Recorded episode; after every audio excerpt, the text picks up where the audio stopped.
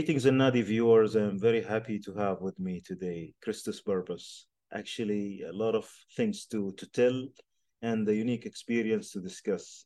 Hi, Christos. Hello, Fadil. Thank you for the invitation.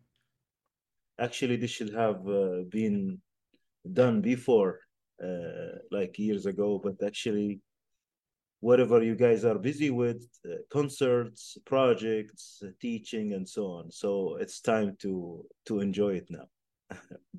Very good. Hmm. So I was born in uh, Thessaloniki in northern Greece. It's a port uh, around two hours from the borders with uh, Bulgaria and North Macedonia. And um, I, I, was born in the 80s, in the 1980. And um, uh, well, my, my parents are teachers. They were now they're retired. They were teaching physics and biology, and mm-hmm. so it was not especially music family, let's say and some of my grandfathers uh, sometimes had to do something with music or some uh, relative, but n- not not uh, mm. let's say professional musician or something like that. But they were uh, they are very fond of music. They listened a lot of music, and mm-hmm. Uh, so I was I was listening a lot of music in the in the house, and. Mm. Um, the first time I had music classes was when I was seven years old when I was um, I started uh, flute lessons, recorder lessons in my, in my house. Uh-huh. Um, so let's say this was the this was the beginning. Let's say of. Uh, so family wise and community wise, now I understand the family. Maybe grandfathers listening a lot to music and uh, scientific teachers, parents. yes. so what about the community and the neighborhood and these things? I Why mean, you go for a recorder? I mean, my I don't know if it's important, but uh, my I mean, maybe everything is important, but my mother's family came from the Black Sea. They were immigrants from the Pontos, from the hmm. Greek last community of northern uh, Turkey, Anatolia. Mm-hmm. Uh, and they came in the um, in the 20s in the Greek Turkish uh, exchange of mm-hmm. population. So my mother's um, village, let's say, which is in uh, Drama, uh, a bit eastern from uh, mm-hmm. Thessaloniki, um, is a village where there is a community community what we call in in Greece podi, and also music was very present there. Uh, in in fiestas, in, uh, in in gatherings, also in the bigger gatherings in the village with uh, live music, dance.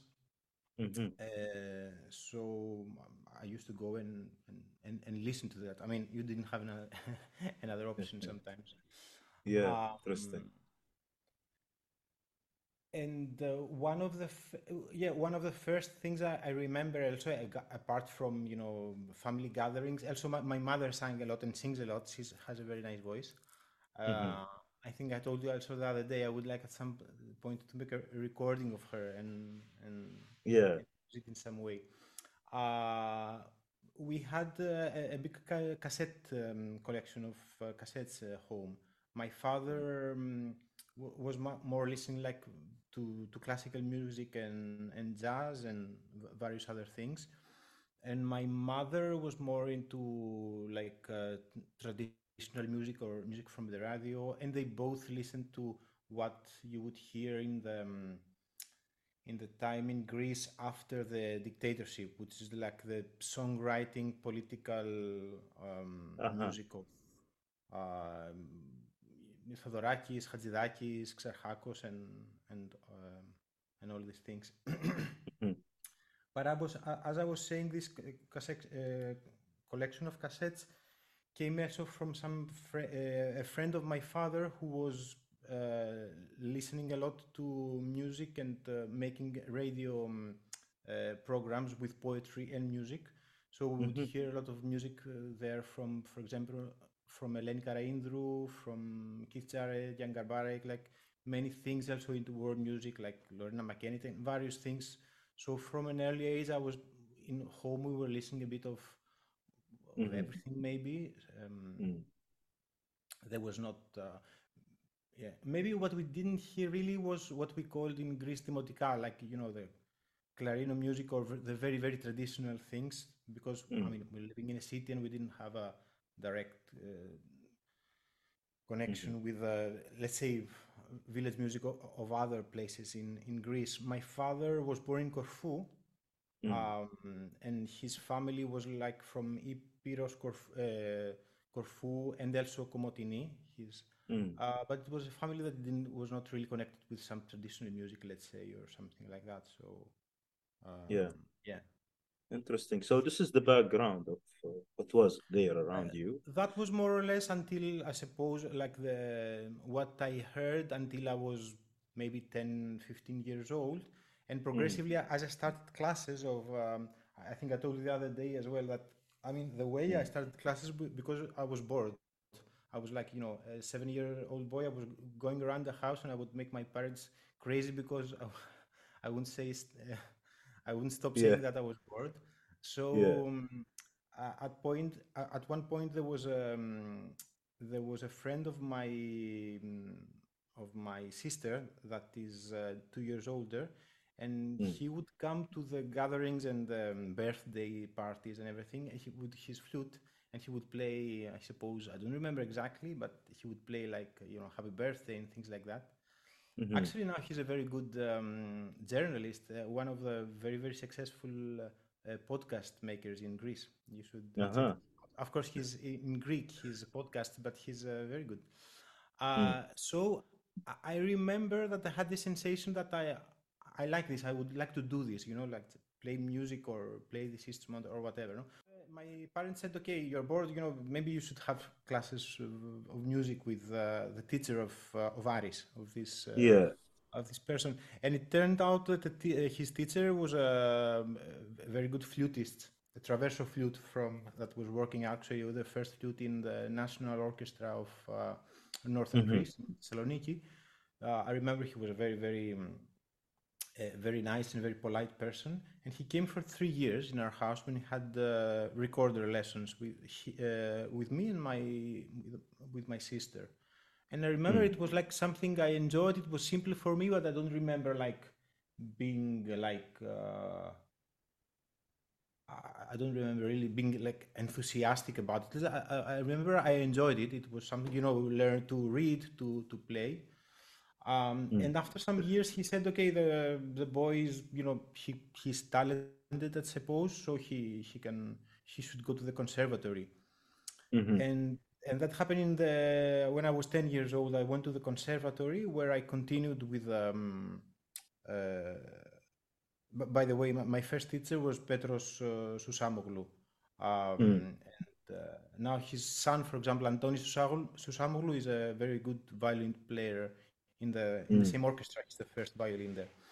Mm. Um, so after I uh, I went to the new conservatory of Thessaloniki in um, um, what we call in Greek Neodio Thessalonikis, and uh, there I had a very good, very good education. There were many great teachers.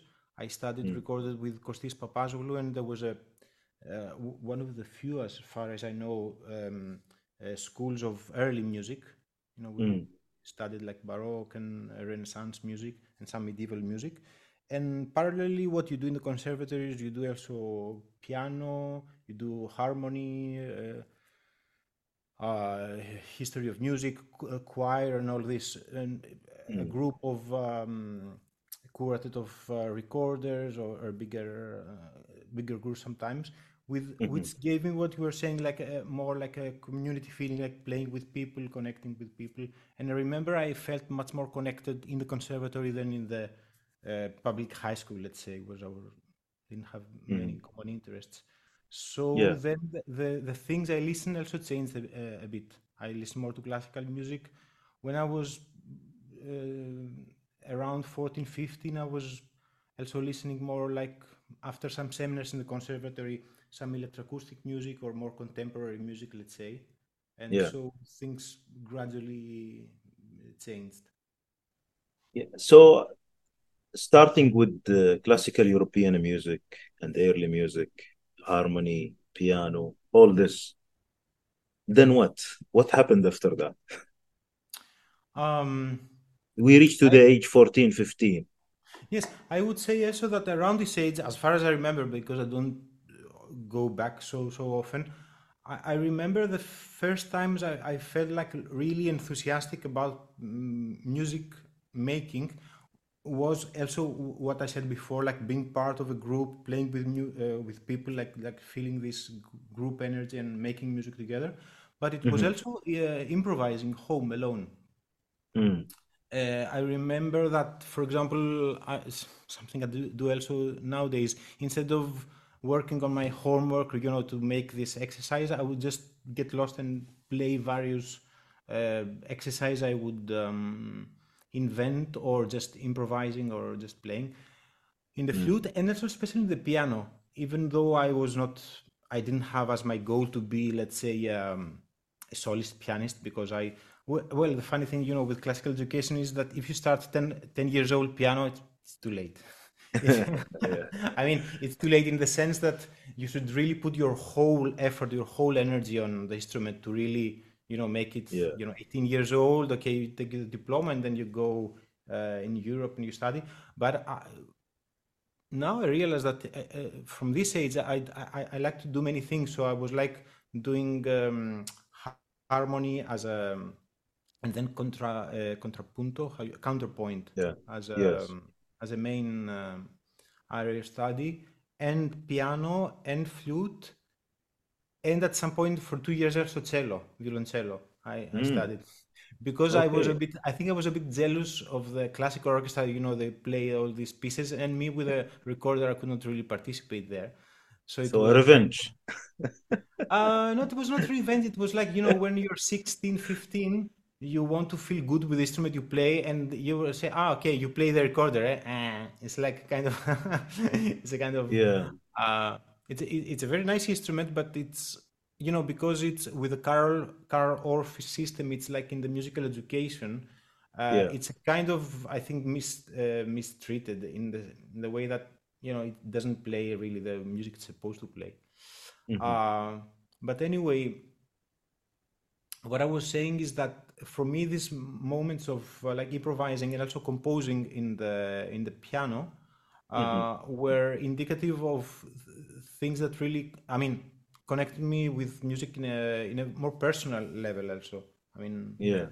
Mm. um, and also Yeah. I But, remember that uh, some pieces, for example, you know, where we would play some, I don't know, mm. some Mozarts and others or whatever, it was like, okay, I don't want to play this. It's like a kind of, but the things I really liked, like I was like really wanted to play them a lot, so I really felt this connection. Like, Yeah, but one point here. Why there is well, there was a tendency for improvisation and composition.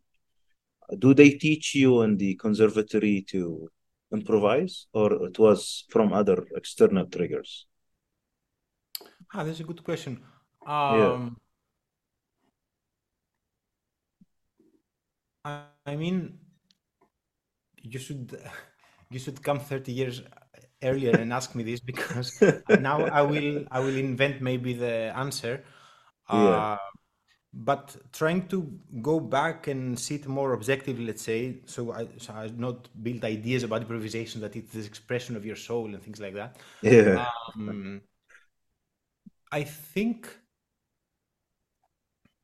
in the piano, for example, what I did is that I played songs that I heard Mm. and I played also for my family and in gatherings. So when people would gather, they would see piano, and it was like, okay, now Christos is studying music. Christos will play music for you. No, it's, okay, there was a part that was a bit like uh, I didn't want to do that most of the times. I felt embarrassed, Mhm. but I remember that I played songs that I heard like from Hadzidakis or after when I was after my 16, 17, I start to listen more like songwriters like uh, Socrates Malamas or Papakonstantinou and things like that. And I used to play all these things on the piano, Mm. connecting them also with the study of harmony. When you when you start to study and understand harmony, you can start to use this material as your own, let's say. And when you Yeah. see that in the songs, there actually there are patterns that are repeating again and again. Mhm. I think uh, it comes. I mean, you disconnect these things. You know, the classical musicians typically is like, ah, if you take the score out of my um, uh, out, of my sight, I cannot play. No, but if hmm you understand harmony and if you if you know some basic things, I think you can use it as a base to improvise. Yeah. So that's one part. I think. I mean, I I, I really think that the um, classes of I, I had a very good teacher in harmony, also Vasilis Kitsos, is a, a Mm. wonderful person and, a, and a, a very good composer as well. So I think also I, I don't really remember right now, hmm uh, but I, I'm I, I am sure and I re- remember the sensation that my teachers also were were inspiring creativity. They were mm they, you know it was not just like you know you should play this and stop and mm. as i said before also the fact that i that we had recordings home of improvised music. For example i remember one of the first cds when the cds uh, came uh, we, hmm we took a cd player from a supermarket or something like that. And i hmm think i remember the first first cd i had was the um, um, the piano concerto by schumann in a minor mm. which is amazing and it has some parts that I would go addicted and just play again again the same part of, of the piece where it had a nice um, uh, sequence of uh, harmony I liked very much. Uh, hmm I, I remember it now. I had it, I have it in my hmm mind. Started And playing. uh, it's a very nice one. And then uh, the second CD, if I'm not mistaken, or very, very soon, um my father got from a friend of his uh, the Keith Jarrett concert, the Köln concert, the concert in hmm Cologne, which is, I mean, it's a historic um, uh, album, a recording, and it's, you know, from the year 74, 75, um, more, if I'm not mistaken. It's a fully improvised concert. And I remember I heard this recording a lot. mm So when you hear also people improvise, uh, you know that it can be done in some way, I suppose. Again, I, I cannot go back in time so um, concretely as to um, remember, ah, I heard the con concert and I improvise. I don't think it worked like that. hmm But very soon I was not only improvising but composing also my pieces that were not, I, I would not write them. Ah, Yeah. maybe I wrote them at some point, but I would record them. So I remember that my, the younger, um, the younger sister of my father, uh, mm Lucia, was very like, you know, very perceptive and very loved music and uh, loved mm me. Of course, we loved each other. So she would invent um, stories like uh, fairy tales or things like that, or read books with her husband as well. And they would come and they would read stories, and I would uh, improvise. I, I would just accompany the story, and we loved it, and it was like great. Wow.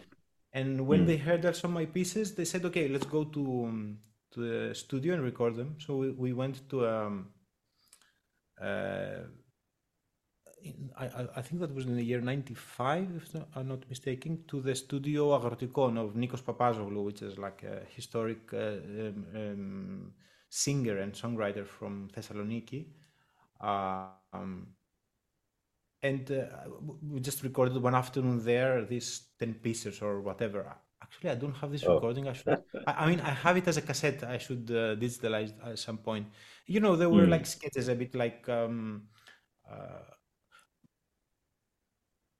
like I said, mm, improvisations that I guess were crystallized into compositions. Yeah. Interesting. Interesting. So we want that track until when? What happened next after Um, the uh, conservatory and, and these things? Did it come to an no, end? then Did it end of the, change? Yeah. yes. So many things happened at the same time. The end of the conservatory coincided with the start of the university and also the start of interest and study of uh, of the Ney and Turkish classical music and Byzantine music and and other things. So when I was uh, just let's say beginning to prepare for the university because university in Greece is a big thing. Like if you don't go to the university, you you are a failure. Yeah, it's like it's chaos. Yeah, it's like a big precipice and you just uh, fall.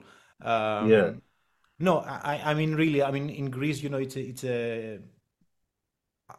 I finished um, high school in year '98, and I suppose it was maybe a, bit better time for Greece than now. I mean, in the sense that you know we've passed many crises and many you know pandemics and everything, but even then, Greece being like a let's say a relatively poor country, you know, it's not a it's not a, a Central Europe uh, economy. No, it's not Germany. It's not France. It's not. It's not Spain. Mm-hmm. Um, there's this kind of thing that if you don't go to the university and if you don't get a job, uh, what are you going to do? you know, it's like, uh, and actually, this is a, a, very important point apart from my story uh, about the story mm. of musicians of music in Greece. Yeah, uh, if you don't teach, for example, in uh, in the public school as a musician, there are very very few things you can do I mean, you can mm. teach in a private school, and if you to perform, okay, there are some things you can perform and live just by performing, but just by doing music. But I would say that on a creative level and music level, usually they are limiting. I mean, you, you know, you must play with somebody who's very popular or be very popular suddenly when you're 20 years old. And it's not easy. I would say it's nearly impossible to be like uh, a performing and creative musician in like you know, to play your own music in Greece. Or yeah. to play um, you know like traditional music or various other things in a um, in a level in, in a in a situation where people will listen to you and will not talk shout eat uh, you know just make noise. Yeah. It's not easy. So anyway, uh, going back to my story, when I was around 16, from the um, from the conservatory and from the like from the whole situation, there was kind of okay, what is Christos going to do? And with my family, I don't know what I'm going to do. Am I going to uh, study um, in the university or continue with classical music? There was the idea of going uh, in in maybe in austria or some some place in europe to study um, to continue let's say with the composition and the direction of orchestra studies. But that that mm. was a, a, kind of an just an idea. It was not a reality let's say. I didn't uh, I, I, actually i never thought of being a director of orchestra, let's say, but I guess it, it was a bit like the, the normal path of a person in the conservatory that had some, uh, you know, that had good grades in harmony, had the imagination, and would play uh, um, mm-hmm. various instruments. No, so at this point, my especially my parents, uh, because I, I, don't remember if I had an opinion or not. I was uh, kind of bewildered, I think, by all these possibilities that I didn't know what they meant. Uh, I guess. Mm-hmm. Um, and I, actually, my parents were more of the opinion, okay, you know, going to Europe and studying abroad is a good thing, but maybe you will take more advantage of the of a new situation when you're a bit older if you know if you're just 18 and you go out it's like a kind of you know mm-hmm. who am i what's happening now mm-hmm. and actually i think it was a good thing it felt good it felt good to give exams and go to the um, musicology department the musical studies department in the um, aristotle university in thessaloniki mm-hmm. which even now is, is a, I think it's a great department like very good teachers and um, like if you see what university music schools generally uh, are, I, I, think that it has a, a good crew of uh, people. And mm-hmm. there, I mean, again, it was more like more musicology. It was like, uh, you know, um, a bit from the German type, I would say. A lot of musicology, a lot of um, history of music, also harmony mm-hmm. and and all these things. But we also had the ethnomusicology. We also did some traditional music. We did uh, improvisation, for example, later on, free improvisation, mm-hmm. which was a, a, a, great class with uh, with uh, Panagiotis Kanelopoulos. I don't want to say too much names because then I uh, maybe I should I should say all, all the names of the teachers. Which, yeah. uh, as we commented also last time we met, I think it's a, it's a it's a gift. It's a great thing to meet uh, good musicians and good teachers because they are you know the ones that we'll address yeah we'll address some names uh, soon yes yeah. so um, coming back like to to your question um when I entered the musicology d- department, it was also a time where I um, met more people, met saw more ways of doing music. You know, people would play in some uh, improvising or playing more jazz or playing like songs and of their own in a mixed, um, let's say, environment. I, I became also some band uh, member of some bands that were playing songs and. Uh, hmm um, and it was like very soon I could see that only like with classical music I could not really exist in this let's say new environment. I would meet Mm. friends that were playing like Bulgarian music or Turkish music or would mix everything and play in you know in in music uh, what we called um, yeah music Fusion? clubs Ah, uh, yes, yes, also, yeah, mm. yeah, yeah. But I would Mm. say they, they played in various situations, like, and with the recorder, you didn't really have a place there. So I think Mm. on one part it was this, uh, it- that was one thing, and and and I didn't at that, at the, at this point I didn't feel like a piano player, like it was kind of I I guess I um, connected it more with classical music. hmm Um, so at this point also the a kind of I heard the Ney also. I think one of the first times in some in Socrates Malamas band. He's uh, one of the songwriters I told you. is one of the very good songwriters in Greece, I guess, the Yeah. last decade. And in his band, Kostas Theodorou, a very good musician, and improviser and composer and uh, orchestrator, Mm. uh, was playing the Ney. And I think that this is one of the first times I heard it like live in a concert. And it was like, ah, that's interesting. That's a flute, but sounds like more with more air. Oh, it's nice. And Mm. And then also um, uh, Kaimakis, I don't remember his first name now, a teacher of us in the um, ethnomusicology class hmm mm, uh, was playing the ney, also the Arabic ney, and he made us uh, make PVC neys in class, uh, you know, with opening the holes and just having a PVC.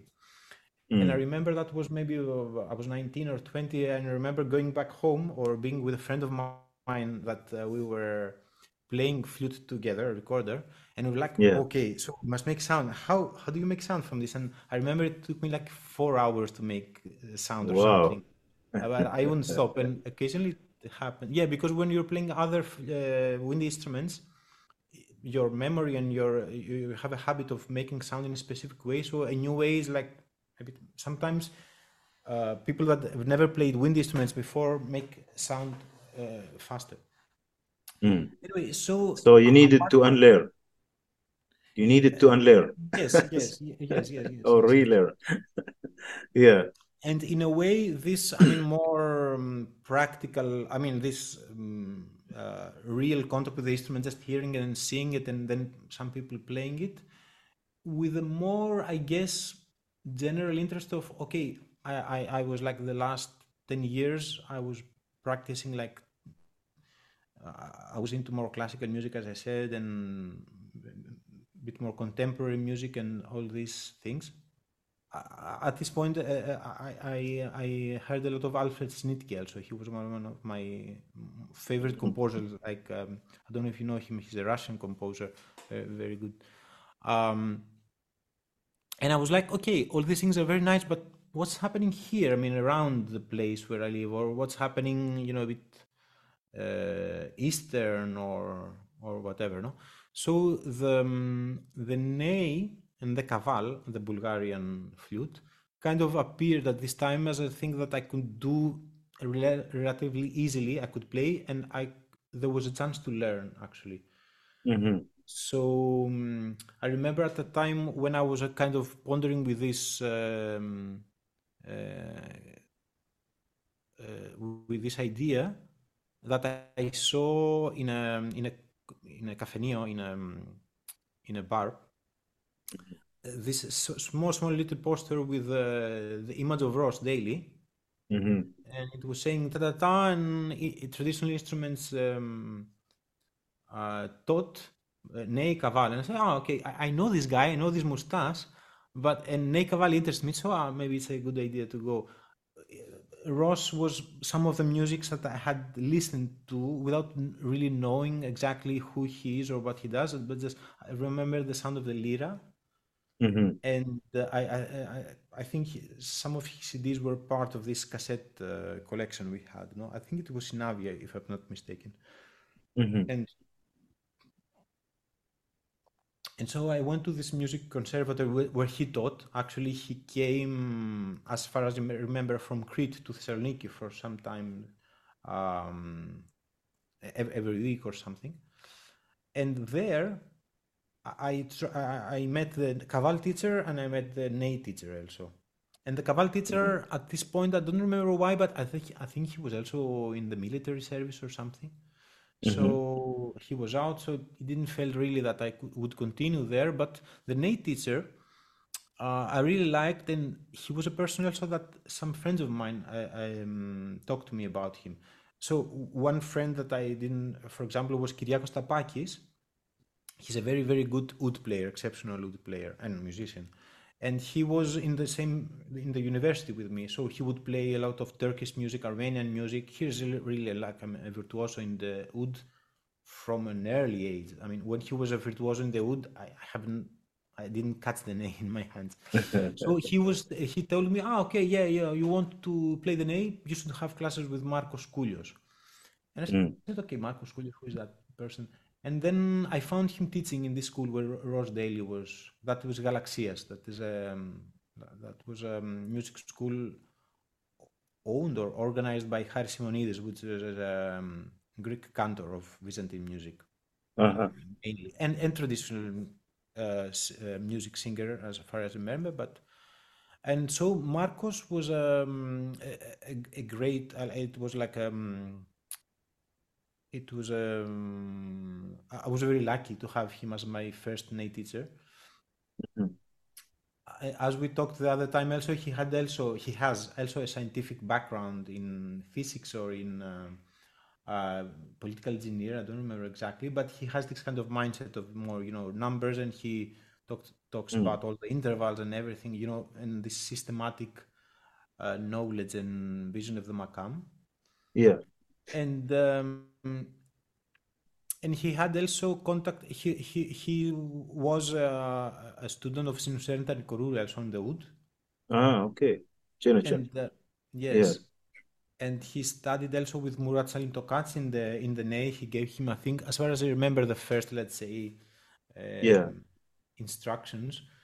Um, so he was in Thessaloniki at the time, and uh, and we started classes together. So that at, at the same time or very soon, um, I don't remember when that exactly happened, but I Marcos was also teaching in the in another school uh, where um, Panagiotis which is a very important cantor in Thessaloniki at this time, now he's the first cantor. I don't know how you call this in in the Patriarchio in in Istanbul.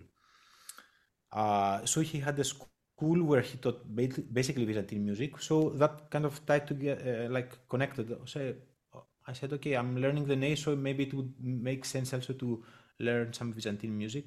I failed totally there. It was like, I, for me, all these signs. I mean, I, I struggled to learn them, but I, I didn't feel that they could connect directly with what I was doing. It was like a kind of uh, an extra effort to do something I could do very easily with notes, so it didn't make sense. Yeah. But it makes sense to be taught, at least for some uh, months or uh, years, in a very oral way to to listen and try to imitate. You know, I remember the Mhm. cant the because we would not have classes with Panayotis himself. We we would have classes with his students, and they would Mm. they would negate. They, they would didn't explain. We would ask, our, "Where is this note?" and say, "Oh, whatever you hear." It was like Mhm. you, you you just imitate. So it was a good. Um, and there also Baris Bal was um, teaching and playing, accompanying Panagiotis. And Baris was a friend of Marcos and a very good tambour player and saz player and singer. Hmm. Uh, he's um, a, a Turkish, let's say, political refugee in, in Thessaloniki.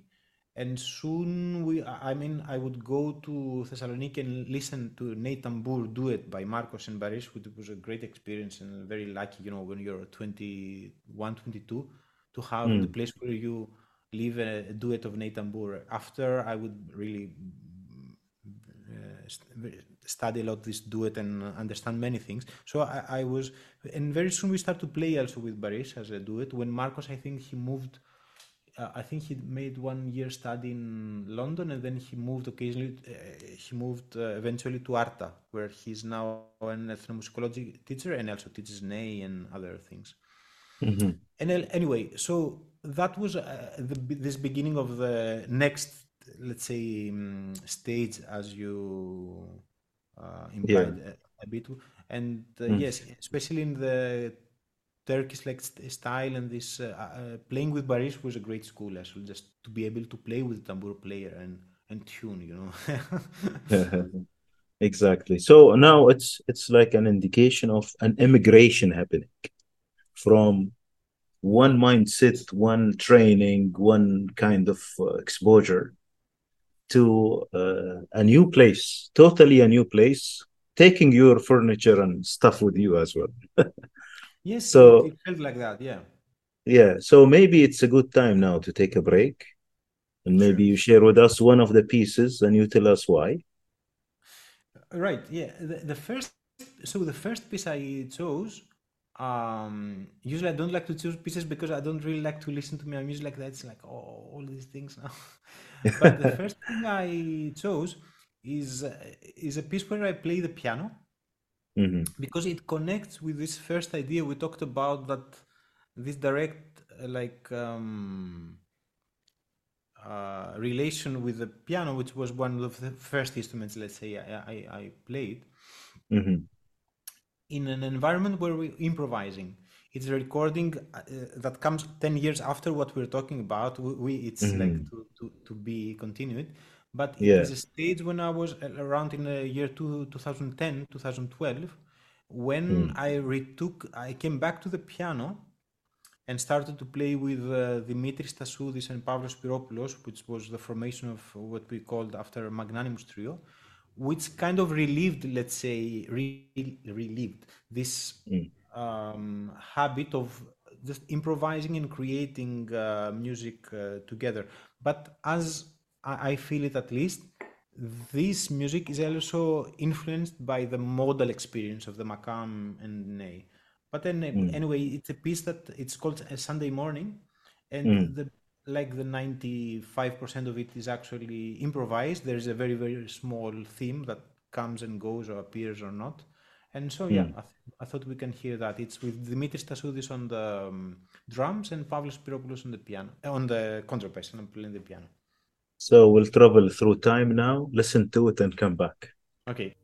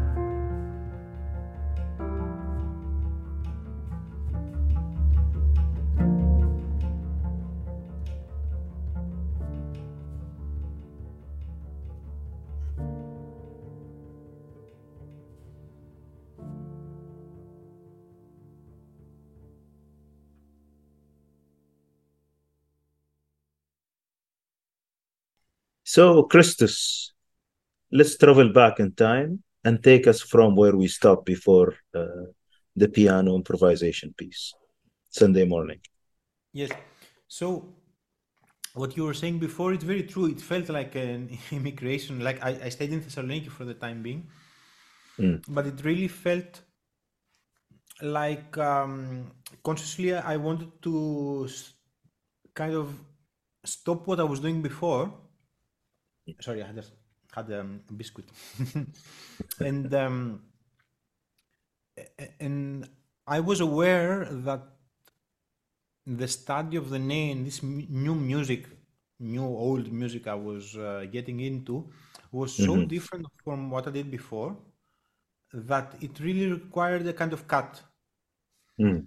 So I remember that I did, for example, 2002 more or less. I did my diploma in the recorder. I just finished this, and then I also stopped the piano lessons. I did the the counterpoint diploma. Also stopped it, and and um, progressively I got more into the ney. There was one year when I was like doing that was my first travel in Spain when I did my Erasmus in um, in Granada. I spent one year in Granada, hmm uh, and there it was kind of okay. I played the ney, but I was not playing a lot, and I was, I mean, you know, as always, like learning some uh, new new things, listening to flamenco, you know, just living the university life in Granada.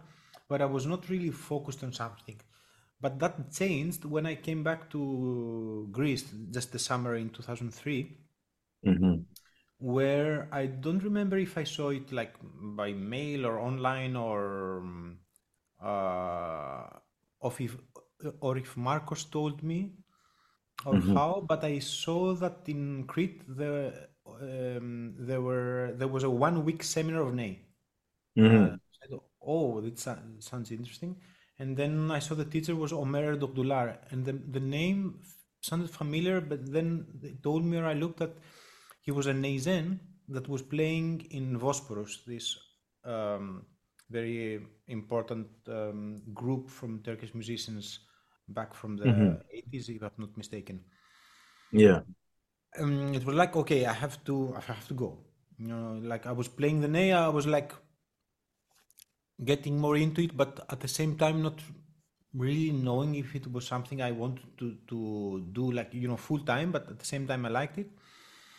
And um, so I went to Crete this summer, and it was the first summer that the let's say the labyrinth seminars happened in a way that uh, you know a bit similar with what's happening now. One week of um, intense seminars.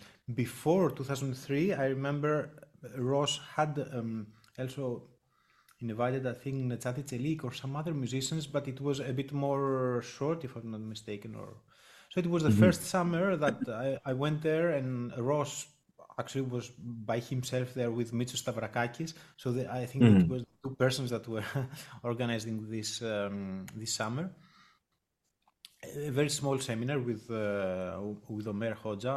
I think we were five or six persons.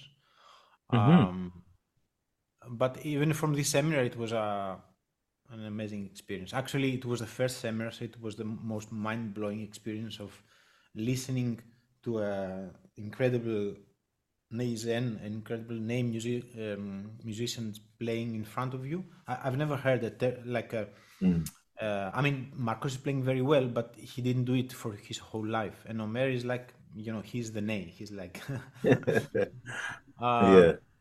w- one thing is that, and the other was like Omer's like um, attention and commitment and just absolute like you know love for teaching and for the music. So we would spend like hours and hours and hours more than the six hours of the seminar, just repeating it again and again and Taksim and all this. No. Actually, Mm. from this very first seminar, we were a very gr- good group group of uh, students. I remember for sure it was Haris Lambrakis was there. Uh, I hmm think also Nectarios Stamatelos was there. I don't remember if Nikos Paraoulakis was there, but uh, very probably yes. hmm Um, and and some other people. I think Yorgos Meonidis, if I'm not mistaken, or maybe Yorgos came the other year. Anyway, people that you know they play until today and are teaching and are great musicians and co- co-students. So yes, that was the first time I went to Labyrinth, and it was like um, it was a very important experience. It showed me like that really this is something I, I want to do. I felt connected also with the way that music was being made, the the, the way that you know Ross um, welcome, welcomed us hmm and everyone. And after this, I mean, I, th- I don't remember exactly, but I think it was July or beginnings of summer. hmm I went back uh, in September where there was a seminar of Bulgarian music. mm Uh, then there was big group of people that came, like Nedialko Nedialkov was there teaching Kaval. Uh, they also performed. Georgi Petrov was there, a great musician and Gadulka player. Uh, unfortunately, he has passed away some years hmm ago. And there was like, yeah, there was um, Angel Dimit- uh, Dimitrov, I think, the um, tamburica player. mm Um, I'm not sure if I his surname is Dimitrov, but yeah. Anyway, Mm. and uh, so it was the same experience let's say uh, because I, I saw it it worked It- like in one week you could see, you know you could just maybe not learn but you could expose to so many things that then you could like use this material just to work and learn uh, so much Yes. um, and I, I say that because from an i mean i was uh, okay focused more on the nay but labyrinth was a place where that you could get this experience of other musics as well so it was a, A uh, lot of exposures. yeah Yeah. Hmm. Mm. Interesting. So that's a week of a summer where you get bored with a lot of experience to digest, Mhm. and then you disappear. Mhm. Then you come to the next summer, right? So, uh, as as far as I understand, this repeated every summer, yes right? And uh, what do you do in between and so on? Take us into that from your perspective. Mm. Mm. um especially for the knee or in general maybe Yeah, I mean, I in, mean in general, like the way your own, yeah. yeah my, my experience was that um usually in music lessons Mm. I mean, and I say usually because I don't want to generalize that everybody does it uh, the same. It's not. Uh, You know, music classes are depends on the teacher and the student and the context, of course. But Yeah. at least uh, one model is that you go to the class and the teacher hmm comments things. He he he listens to you and he comments things, and maybe he will play something, but he will do observations, and then you have to go back home and uh, correct these things. No hmm and the way that at least it worked with uh, in the NA class with Omer and other classes as well is Mm. that you don't exactly do that. What you Mm. do is like you play a lot, you listen a lot, you listen. I mean, Omer always used to say that the class where the teacher, when the student plays more than the teacher, is a bad class. and Mm. maybe I'm saying it in my own words now, but more or less it was this. And what does that mean? it doesn't mean that the student ha- doesn't have to play, eh? but it means that i i- the way I understand it, the and I think the way also Omer uh, um, explained it is that the acoustic experience of what is heard should be from the person, let's say, that does it well. So that can create the memory, and this memory and this experience then it will take in you, from you, the, let's say the music as supposed to be, let's say. If Oh. all the day you're listening to students playing the music like in a 15%, this, I, I don't say it's bad, I don't say um, music students who don't play music, it's not about this but it's about creating the the the imprint you know of Yes. of what of how the music i mean Is yeah said or expressed. force Yeah, yeah full yeah. force Mm. so but this combined with a lot of practice so, so what we would do with omer is like play for example 8 hours per day or 10 or 6 or 12 sometimes we Mhm. get to 13 uh, hours repeating for hours uh, so playing a lot and Yeah. then listening to each other like listen omer play listen to uh, one bar you know 10 times 20 times 30 times the same thing so you know repetition we talk about repetition a lot but you know when you say one thing uh, another time another time another time another time Mhm. you give time to the brain to be attentive of the details Mhm. of you know another time another Yes. time of the melody of the nuances of everything if you don't do that and just keep on uh, talking about things blah, blah, blah, it's like the brain is like just oh okay i have to manage and just keep on track but i, I cannot focus you know Mm. so i think this word focus is the, the key to everything like you know you you must sit and do one thing without being bored Mhm. because if you're bored then it doesn't work the you know you get, get you get cut you know you get disconnected from what's happening Mm. and um So you play a lot, a lot more than you would play alone home. You know, you and you're playing with people, which is great, and then you hear your teacher and you hear the other persons, which also is a great hmm experience because what I said before, it's not that no, nobody should play, eh? Yeah. no, but it's not that you don't listen to Christos, for example, for two hours playing because okay, Christos is learning, so I mean you can hear him. It's it's very. This is a great thing about group learning that you can hear yourself and then you can hear other people and maybe other people are doing possibly the same let's say mistakes that you're doing or maybe they're they got something that's wonderful or you know you're, you're just listening to Haris playing and it's ah you enjoy just his uh, character through the music no? But all this process is very um, you learn so much in so many ways. And it's not just a, a, a men, let's say a mental um, intellectual ah you should uh, play with more dynamics or you should do that huh no, it's more kind of music sounds like that, do it yourself. And Omer Mm. actually very rarely did some observation of um, you you should do this or you did that or you play well or you don't play well.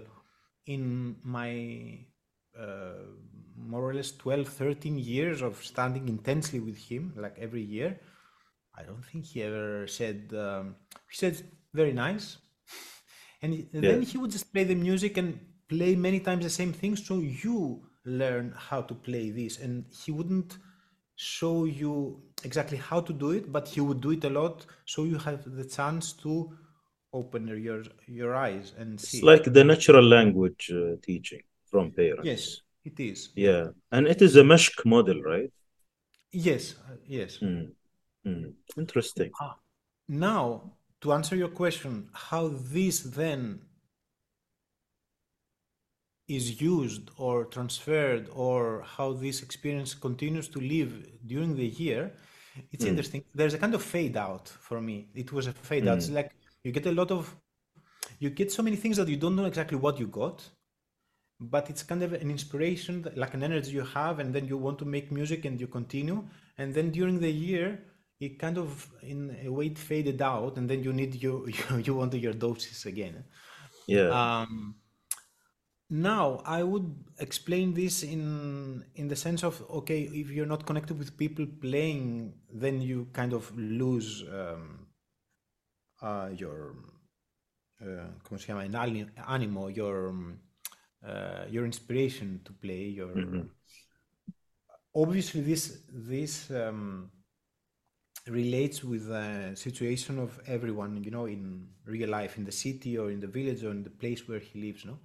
But in Labyrinth, what we have many times, it's because it's such a, um, you know, many times it's um, a kind of special interest that unites us. I mean, if you live in Mhm. Istanbul or, you know, maybe in Athens or somewhere where everybody around you is playing this music, maybe it's more easy to get and play together. But if you're a bit more far away and there are few people you're making music, this music with, uh, then what I think I saw and many other people saw is that you have to create the opportunity to Mhm. play this music because they will not be given. It's not like, uh, or at Mhm. least it was not back in the year 2000. Now I'm not sure what's happening in Thessaloniki or in Athens because I live in Barcelona for some years now. Uh, Mhm. but anyway, so what happened is that during the year, through making groups, through playing this music, or through teaching it, or through learning it in different ways. Back then, we didn't have the online. The online thing came for me after 2011, 12. Um, Mm. so you just have to keep, let's say, the fire burning, you know, in in whatever way. Go back to the re- recordings for sure. You know, the recordings from the seminars was like, okay, I I know this Pesref. I mean, I know we studied this Pesref, and I've played it, but now the details and the and the um, and all, everything that's happening is so uh, so much that you only scratch when you are one week playing this piece you're just scratching the surface what's happening and Mm. you're with people and many times you're playing for one hour and you actually you cannot listen to what you're doing and that Yeah. can occasionally be a good thing Mm. but when, when you're home you should do this let's say and as a music student always i mean what i do even nowadays that i'm learning i'm making classes with teachers i mean i'm learning as a student i record the lessons asking of course the um, Yeah. permission but i record the lessons and then during the week i listen to them again. And it, takes you to another level because you have the time and the security of your space and you can pause and you can put in slow speed or whatever. And you can really uh, um, make use and um, real uh, real um, understand what's happening. Also what the teacher says but also for example when playing really you know go in the detail no like, like this ornament or this interval listen again and again and again and try to make it and then Yeah. occasionally you will do it after some time or some years Mhm. Interesting. So uh, that was the trigger. huh? So before you were studying music in one way, you switched to another way. The way you practiced, memorized things, the way you were uh, picking pieces and so on, the way you express music to the after, the before and the after. Do you want to comment on the differences before 2003 and after 2003 from your perspective as well? well Yes, I don't want to create or to reinforce, uh, you know, dichotomies like um, Western music like this, in Eastern music is like that. No, actually, I'm, I'm not saying you, uh, you saying that. Yeah, I'm just yeah, saying that for me it felt really changed, but I think it was, as explained, also I think this is why personal experiences in the life have have interest not by themselves because it would be boring. Just "Ah, okay, I was born this year and I went to university. Who cares? I mean, okay. But exactly. I I think they're interesting in the sense to contextualize why some changes happen and and uh, what do they mean. For example, in my case, Mm, let's say, uh, I, as I talked about, the first seminar with Omer was a bit mm, mind blowing in the sense that it showed me what you can do when you focus. mhm, I, I, I, I, I I am not saying that I didn't focus before. I focused, mm, but not in this way, not in a, in a group uh, context.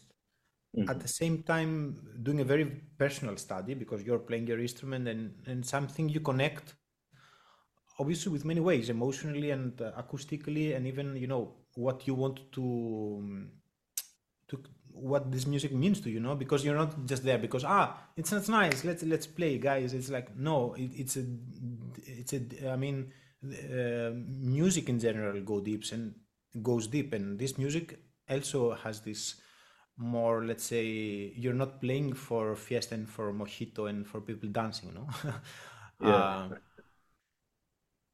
so I I would say it showed me this, and then this, uh, okay, uh, eventually, it um, it showed ways of practicing else of practic, practicing. Sorry, also the piano or the harmony or fugue or whatever, but in in the same way, like to um, to be directly connected with the sound, if that makes sense.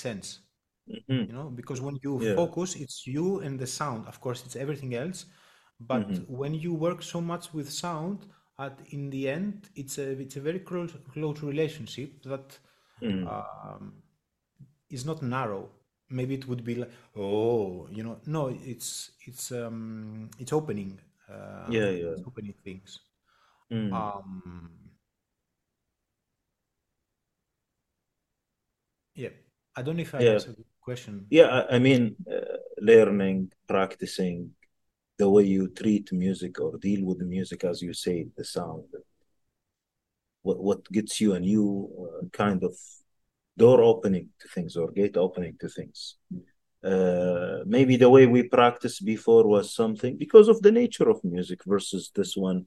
Now the pieces with Umar, maybe they were Bashrafs, Samais, Ilahis, uh, Sharkis, yes Taqsims, improvisation, the thing you were having a huge tendency to from the beginning.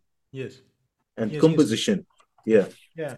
Yes, in this Mm. sense, it was also at some point I understood that it was not so different actually what uh, I was doing before, Mm. and it was about it's it's more the way you practice than what you practice exactly.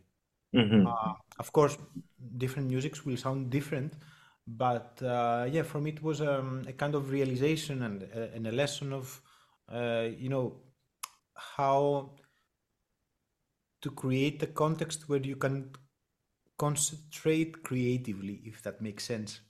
Mhm. For me personally, when I try to concentrate and creativity is not a part, usually I have a kind of, oh, you know, ah, I don't want to do this. I mean, you know, the teenager uh, Mm. uh, arises in me and I said, ah, I I have to do this, but I will do something else, something, you know, easier, something, uh, whatever. But Yeah. when when this effort and this concentration is part of uh, making music in a uh, like say I don't know how to call it in an active way, like you know, sharing Mm. pe- people, listening to it. For me, that's mm, uh, for my personality. It's a bit more concrete, and I can relate with it. Mm. For example, uh, because we talked uh, last time, we talked uh, where we preparing this uh, Mm. uh, conversation. You were talking about the ayin I composed. Well, Yes. the, the, this ayin was composed also, also because we programmed a, concert with it. I Mm. know. I mean, maybe some other persons are composers are like, you know, I'm going to compose this piece and just I'm shut in my room and I will have the score and I will compose this. No, maybe it works like that for the- some mm, people, but um, for me, it doesn't work like that. I mean, maybe sometimes I will have this idea and I will just close everything and write it down. But because of my characters and because I'm doing so many things and it's like, oh, I, like so many things, I Mhm. need the, the tangible goal of, you know, we're making this project, we have this uh, group, so we're making this, so make it happen, you know? So the Ayin Mm. was actually composed because we had I had two months and I had a concert. I had the sketches from before, but it was Mm. okay. Now I will put myself uh, in order in order to make it. And I passed Mm. some week uh, a week. Actually, it was the pandemic, so it, it was a good chance. Yeah. But I would pass some days like 12 hours of just composing or writing scores or correcting or the lyrics or whatever, no? So, Mhm. but it didn't feel like um, The uh, task. I mean, no, it felt like a task. It didn't feel like limiting or that ah, I have to do this. No, it was like you're Yeah, into it yeah, and you're just flowing. You know, just you, you yeah, just enjoy it. Uh, so yeah, for me, that's what I'm searching, like to to um, to create this create or find this uh, environment where concentration and work, because it's work, Mm. But it, it can Yeah. happen without a sensation that ah, you know, I'm working, and that's why I, I always say that for me, music is not work. It's it's you know, it's what I do. I love it. It's not. I don't feel that I'm doing something I don't want. Um, yeah. Yeah, I, I really recommend uh, the Al Nadi viewers to go and listen to the Ayin. It's available online on YouTube, and Yes. it is really interesting. Yeah. I mean, this recording was not supposed to be there actually. we we were not so ambitious as to say we're composing it again and we're going to record it and videotape it. No, it was not the intention at all. It was much more modest. It was like actually because you you um, were talking about this the um, at some point with with Efren Lopez, the uh, Yeah. friend and Greetings to Efren interviewer. Uh, no, Yeah. he- yeah, he was interviewed by by you. Yeah. Uh, we were talking about okay, what should we do next concert for Labyrinth Catalunya, and it was actually when we were going out of the pandemic. Let's say we thought we were going out, but it was one of these waves. Mhm. So a friend, you know, he's an enthusiast of uh, Makam and Kudum. so he says, Yes. "Let's play an ayin. I want to play Kudum." Um, okay, it was something different. We, we didn't make did it before here, and it was a, a Mm. good idea. And for some years, I had some sketches, like uh, you know, ideas recorded, and this I this I had an idea that I would like to use these ideas to to record an to compose an ayin. So I told to Efren, uh, maybe instead of playing like a composed in a traditional one, I had maybe I can compose one and play it. And Efren said, okay, whatever. And um, so we programmed it and eventually prepared it. And Efren helped also a lot with, you know, he would send me um, some tools pre-recorded so I could check things and and everything. And then we programmed the um, the concert, and it was mm. supposed to happen in Cardedeu, and we didn't uh, think of recording, but it was okay. Let's play it. I invited actually people from around from from Spain to play it because we we could not. People at the time would not um, travel. You know, if travel, yeah. maybe I, um, you know, it would be nice to have a I don't know. Apart from people in Spain, to have some international, let's say, group. At this mm. time, it was like, okay, we are here. Let's. So I uh, invited like also some musicians around, some other friends or sometimes students that were studying this yeah. music. So, uh, but when the concert then was pre- prepared, I think like a few days before, we were, we were like, okay, another COVID uh, wave. Mm-hmm. The public cannot appear. You know, it, it's it's forbidden. So we were like, oh, what should we do? And then it was like this idea came. Actually, the next day we had a concert with Eléonore Fourniau, uh, another mm. concert we make at this uh, the same two days, and it was a great concert. Actually, this is also on YouTube, mm. um, in Labyrinth Catalonia website, uh, YouTube channel. And mm-hmm. uh, so we said, okay, no public in the concert, so let's uh, stream them. Did we stream them? I don't remember, but we, we for sure we recorded them with the multi-camera and we, and and the sound. So yeah, I mean the first uh, inten- intention was just to modestly just compose it, play it for the village, and see how it works. But it happened this way that we recorded it actually in, in a in this way, and it came nice. I mean, the, if you take in consideration that we had uh, uh, relative, uh, relatively uh, limited time to prepare it. Uh, we're yeah. rehearsing for three, four days, which is not a lot if you want to, you know, you have one hour of uh, continuous music. But it uh, came out very well, and people were happy. We had a good time, and so it was very nice. And actually, it was courageous decision to yes, to compose an Ayin and then perform it in that context and in that difficult time. Yes, yeah. on one part, yes. On the other part, it's not so difficult as it seems. Mm-hmm. also, the composing and playing, it is it is a task. It's something mm. you really put the hours of doing it. Uh, but something that happens with the Ayin is something interesting.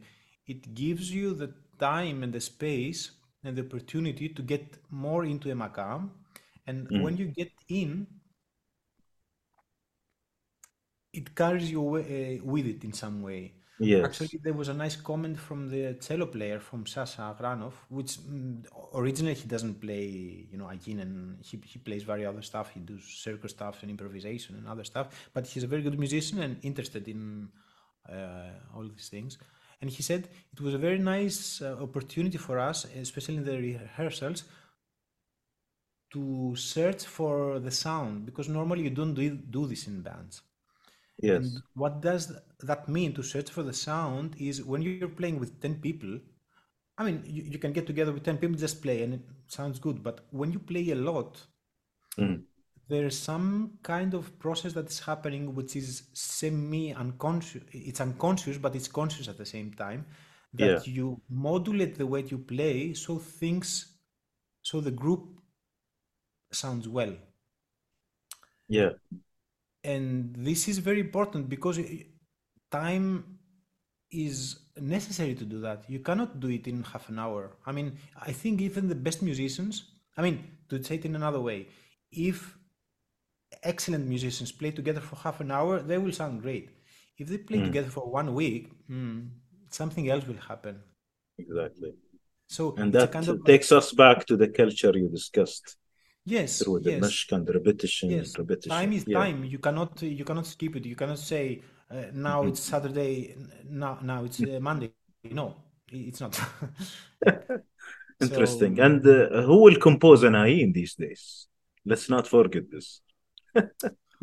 As I said, also the composition is not so so so difficult as it seems. Yeah, yeah. Um, also, uh, talking with Ross, we were recommending it, and uh, as far as I know, he hasn't uh, composed again still, but uh, he was also saying that you know I, I presume it's not so difficult. I mean, Mm. the first thing is, for example, mm, I, I think we talked about this also the other time, is that Mm. a big part of the ideas that are there are improvised. Mm. I don't, Yeah. I don't know if we talked about this, but for me, uh, like can say one of the goals I have or one of the things I, I like in music when when something when a compositions when a composition have the has the um, the the live sensation and the um, freshness of improvisation and Mhm. also when improvisation has the sensation that is composed that it is a, a that is something that has structure possibly a direction an intent as a composition Yeah, yeah. uh, and this maybe sounds very uh, you know very far apart but actually it's it's not so far hmm and many of the ideas in this again were recorded with a mobile phone when I was in my car actually making as you long drives in Crete at this uh, Yeah. point. and you have the rhythm and you Mm. know that the rhythm for example in the first uh, in the first selam in the first sang part is 14-8 no and Mm. actually 14-8 sounds ah 14 no just 7 and 7 you know 3 to 2 3 to 2 so you have this Mhm. beat you have the makam so you're just improvising on it and the words help you i mean this is the first stage for me at least for me eh? Yeah. uh, so it's not so um, it's not so difficult. Then maybe uh, maybe the most not complicated but laborious part is when you have the ideas and you're a bit that happens i think many times before any composition. There are so many possibilities and there are so many ideas that you say which of these 100 should i choose to have 10 and Yeah. this is also that you it's it's a process that you do and after sometimes you see it's it's doable and you Mhm. just need to sit and put the time and the the care to do it So and the next time also and then sorry and the next time also again it feels like undoable and you say oh i have to do it again but anyway yes, yes. So now you listen to Christos, guys. He's promoting composition, promoting this kind of thing. It's easy. So go ahead and compose. For sure, I, I'm uh, I'm totally I'm totally um, uh, how you say Pushing, pushing promoting. But yeah, I, I, I think composition, every improvisation is for everyone. Everyone, I, I, I mean, everybody is already doing it, but it, he doesn't know. She doesn't know. Exactly, exactly. Yeah. So let's put more effort, guys, into bringing new music uh, of that sort. Uh, maybe before the break, uh, uh, Christos, I would like to ask you. Now we touched on it a bit, but just to finalize this idea, you have been exposed to many learning styles, and you have seen many masters. Uh, as you said, you have attended seminars in person, online. You are teaching and so on. What are those effective things that will make uh, people learn better? Right? What are the things in general that makes le- the learning experience a better experience that would lead to musicianship? You said focus. You said love. I remember. What else? I mean, what Uh, it that makes it work? yes, just to make sure I understand your question, when you say learn better, what do you mean? I mean, what um, if you put let's suppose you are a student i'm a student also Mhm. right and Yeah. what is your goal what do you want to do so so, because if you tell me what you want to do i can maybe give an, a hint of of the process of what will help you but what does Yeah. a student want to do that's my question Exactly. So you start from the objective. What is the student's objective and goal? yes and from there because the way the way you told your story coming from the first land then jumping to a new land emigrating, and you have seen all these kinds of masters and musics and uh, learning experiences, there are certain elements that improve the learning process. It, it, it took you to a place where you mastered uh, maybe maqams, yes. rhythms, uh, instruments, feeling, expression, composition, and so on. Mm. So, what are those things that are there in these uh, experiences? You said focus, focus, I focus. Think, I think I understand your question. Yeah. I'm slightly playing with it, re- reshifting mm. it. So, in in what way? When mm. we're talking about a learning process, we are not, as I said before, we are not sure about exactly what the person wants to do. And uh, let me clarify this. Yeah. For me, it's important to have an imaginary uh, of what I'm asking from the, from myself and from the music. Mm-hmm. So it's another thing to say that I want to do this, like when I was seven years old. With a, I had the sensation I want to do this. It's not like I, I um, I'm interested in what he's doing, or it's this thing that I, I, I want to do this. You know, it's like uh, almost being being jealous, you know. Mm-hmm. If you have this aspiration of doing music uh, in your life and being a musician, doing it, I don't know full time or or not, uh, professional or not. Uh, for me, this is not mm-hmm. important. But if you want to do this, then I don't know Mm. This is one thing. You will do what you have to do in order to do this, and mm. then we can learn about speak about the learning process. Mm-hmm. In the sense that, for um, uh, it seems like a simple uh, question, but it's not. Yeah, it's not actually, and uh, yeah. the irony, uh, Christos. Let, let, let's separate the irony the yeah, irony is that students they don't know what they want sometimes and they go yeah. on a very good path yes see but, but but let me let me differentiate because this situation where you really want to be one with the music like you really want to do it yeah. And another case where you're interested and you say, okay, I'm interested in jazz, or I'm interested in blues, or I'm interested in Turkish makam, or I'm interested in Iranian music, and I want to learn some things.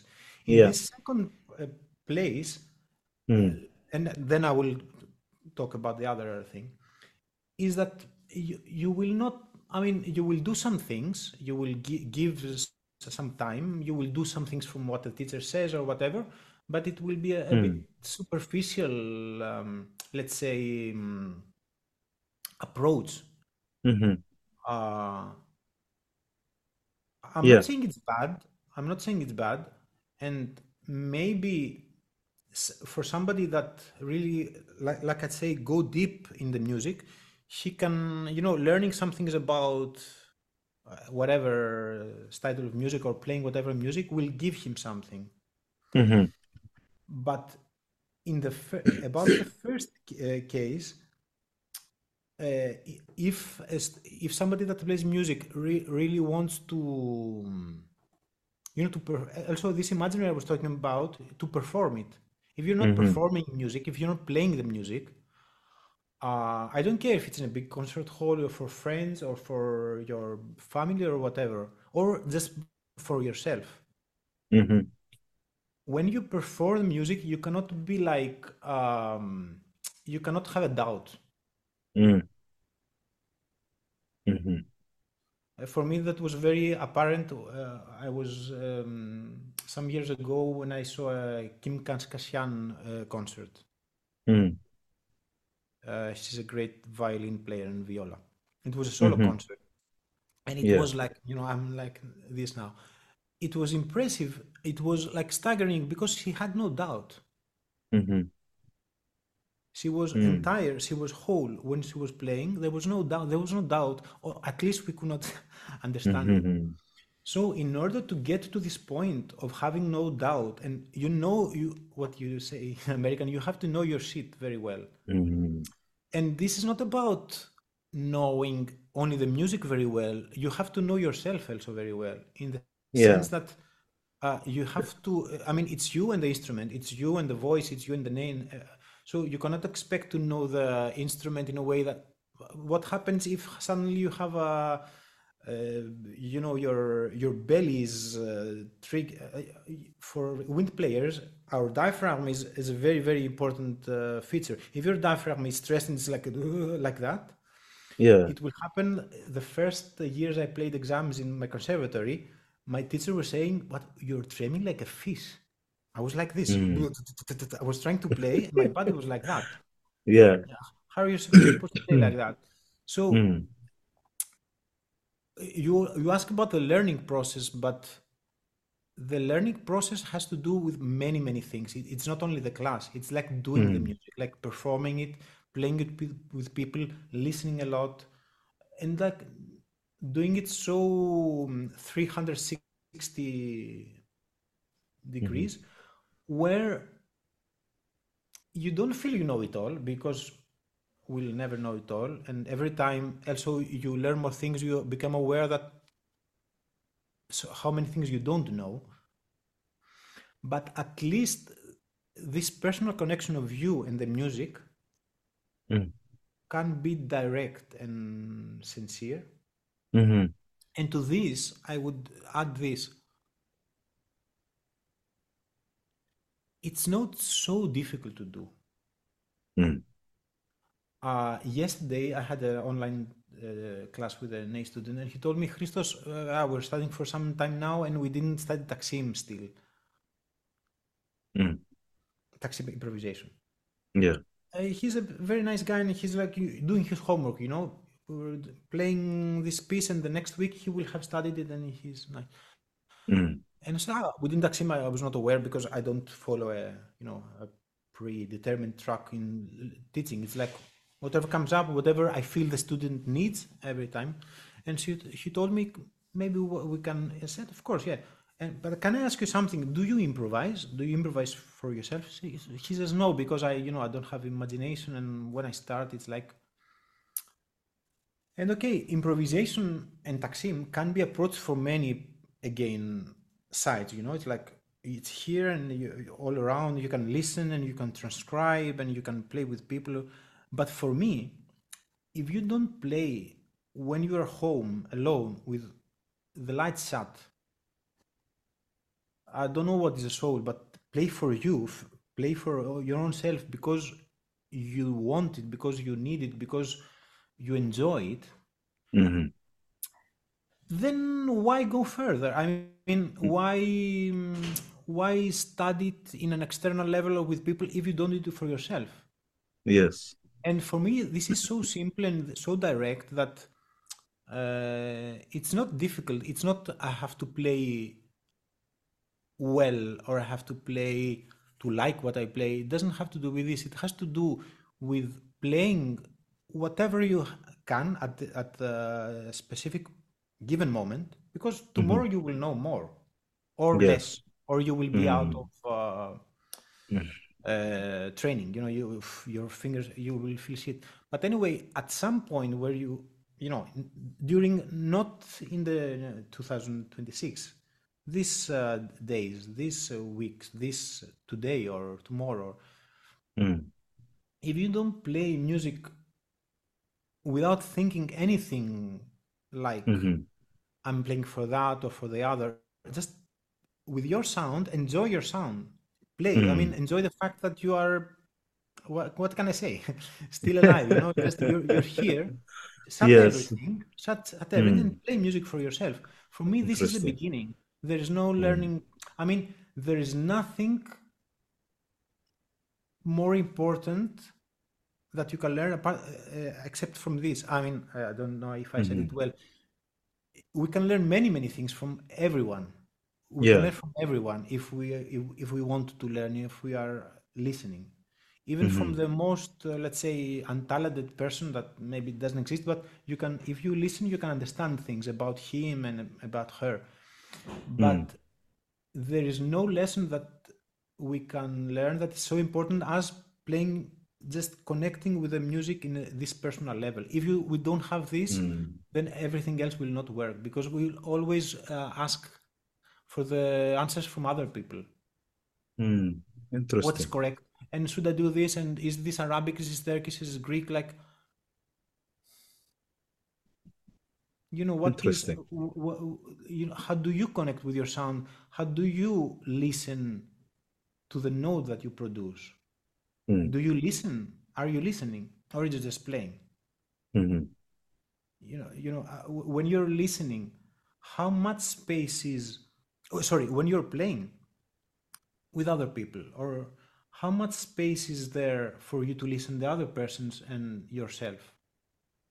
Mm, are other people like the 20% and you're 80 mm, or are you 35 maybe and you are like a whole whole with h o l e. A whole mhm, you are you are empty and you're just perceiving what's happening and you yourself is just a part of what's happening. I'm not saying mm, we should be that. Maybe it's fluctuating. Maybe it's changing over time and maybe it should. Maybe it should be something that is vibrating. But all mm, these are questions i think that somebody when really he he is into the experience of doing music uh, these are questions that are um, arise and and it's so not so difficult you know? I mean i've met people that are not professionals and they have this kind of sensitivity and they listen and they are playing and they mm, are the, a group is created you know? Mm, and sometimes we play with people and it's like ah, you know i play this and i'm, I'm okay and or whatever i'm just by myself and it's i mean yeah you can do that but it's not about separating it's about uh, you know Uniting. mixing. Uh, uh, you know it's, it's this alchemy Mm, of wow the sounds come from different prod and then there is no separation it's like this is what it sounds no and what do you do there so yeah i don't know maybe we Interesting. here but No, no, actually, I like it really. Interesting. Very interesting. I think we are due for uh, a break now. Maybe sure pick us uh, another piece, uh, tell us about it, and then we can continue our okay discussion. so i, I thought about listening to um, another interest of mine as also i think we have touched on this issue is big forms Mm, the Ayin, I mean, maybe it's one of the biggest forms uh, Yeah. uh, you can work in this music. But uh, before that, like I think this these two pieces were composed in 2013. mhm, Uh, it's an introduction which is called Angeles. mhm, Uh,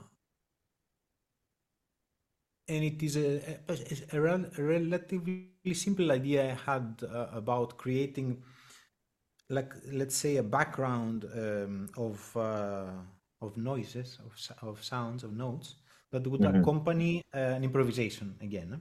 So mhm, there you have this combination of structure and freedom, let's say mhm, the idea was very simple. It was like that that the voices are chasing themselves. mm, Uh, so one voice is chasing the other. So you have a three beat, like one, two, three, dun, two, and you have three voices, mhm, and each voice is occupying a space of two. mhm, So if you think one, two, three, the first voice is playing. Um, I don't remember what's the first voice or the second voice. It's not important, but mhm, one voice is making one, two, pause. One, two, one, two. Hmm? The mhm, second voice is doing two, three, two, three. So this voice is concentrated only on the two, right? mhm. So one, two, and two, three. The third voice, what will do if it, it Mhm. wants to be complementary? You tell me. Yeah, we will use, uh, we will hit into the one to meet with the first voice. Yeah. Exactly. Head into the one start with the three. So the third voice Mm. will do three, one, three, one, Mhm. three, one. So you have a kind of fug fugue, fuga. No, it's not Yeah. uh, fuga, but one. It's actually Fuga because Chase is the, na- the name of Fuga. You are carrying the luggage to your immigrated place. Basically, yes, exactly. you are not throwing anything. so, uh, ah, actually, there's a nice song but by Dionysios Savvopoulos, uh, this uh, yeah. important like songwriter in Greek, that he says he has a CD that says "Μην πετάξεις τίποτα," don't throw anything away. um, so this is a, and then again, this is an accompaniment. Accom- mm. Accompaniment yeah, it, it's just a background, it's just a context. And mm, my good friend Yorgos Papaioannou on the violin played this. I told him you play this, and then he mhm. made uh, an improvisation on the cello on that. Yes. Mm, Angeles is the name because at that point, my um, well, she was a, a good f- friend of mine and a woman that passed away, so it was mm, dedicated to her. Mm, Uh, the mother of a good friend of mine, and mm, um, and I mean the name also is Angel, so it's uh, it carries this uh, this feeling. mhm, And then the song after that, this is uh, like I think three four minutes five, and after this comes the song.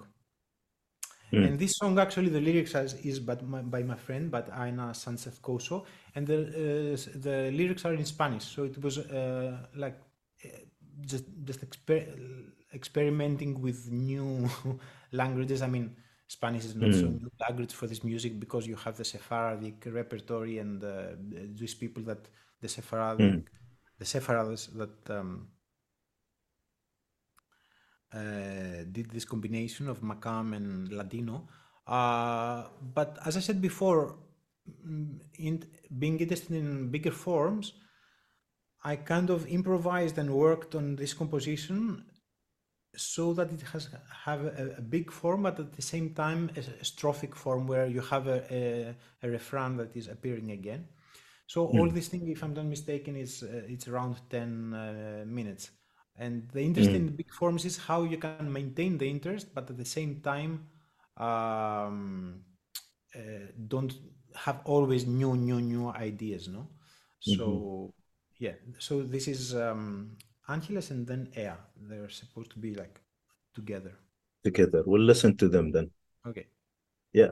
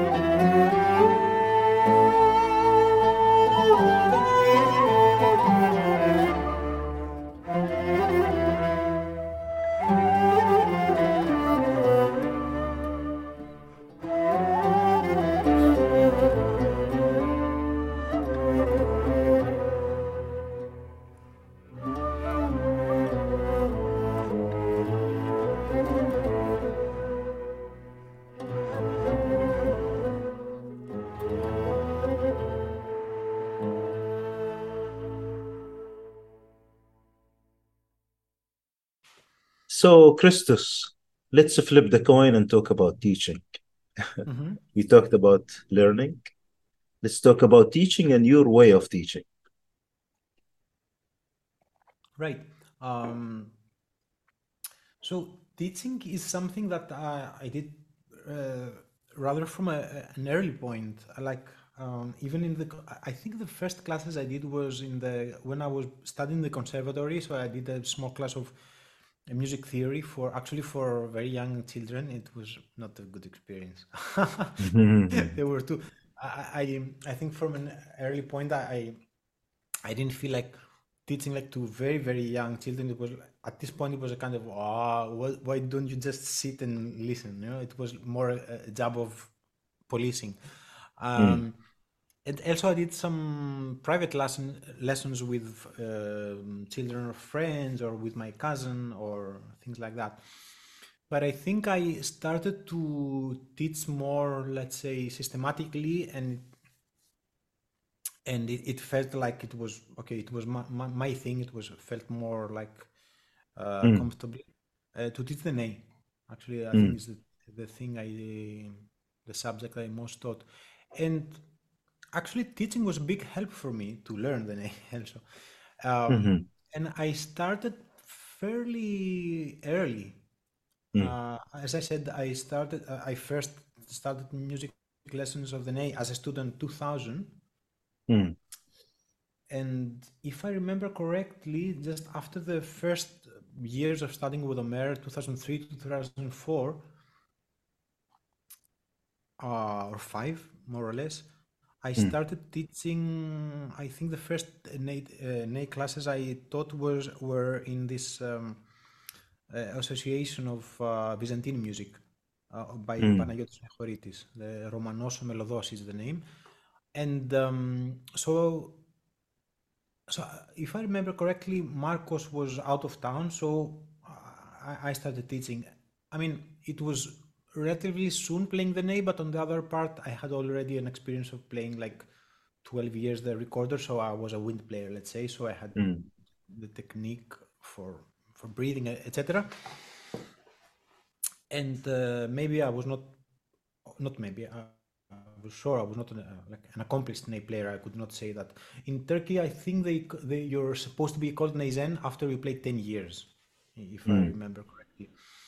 Uh, so I had didn't have that much experience, but I I could help people that were you know children or people that were just mhm, starting. you know. And I say I was helped because many people will say that teaching actually is the best way of learning you mhm, really you really have to uh, understand what other person needs you you understand your own insufficiencies let's say sometimes it's it's a good place to practice also even though of course the priority is not of course you eh? but it it mm, keeps you in touch with the subject. It's it's another thing if you just learn the ney and it's another thing if you're learning in the process of helping other people also learn it.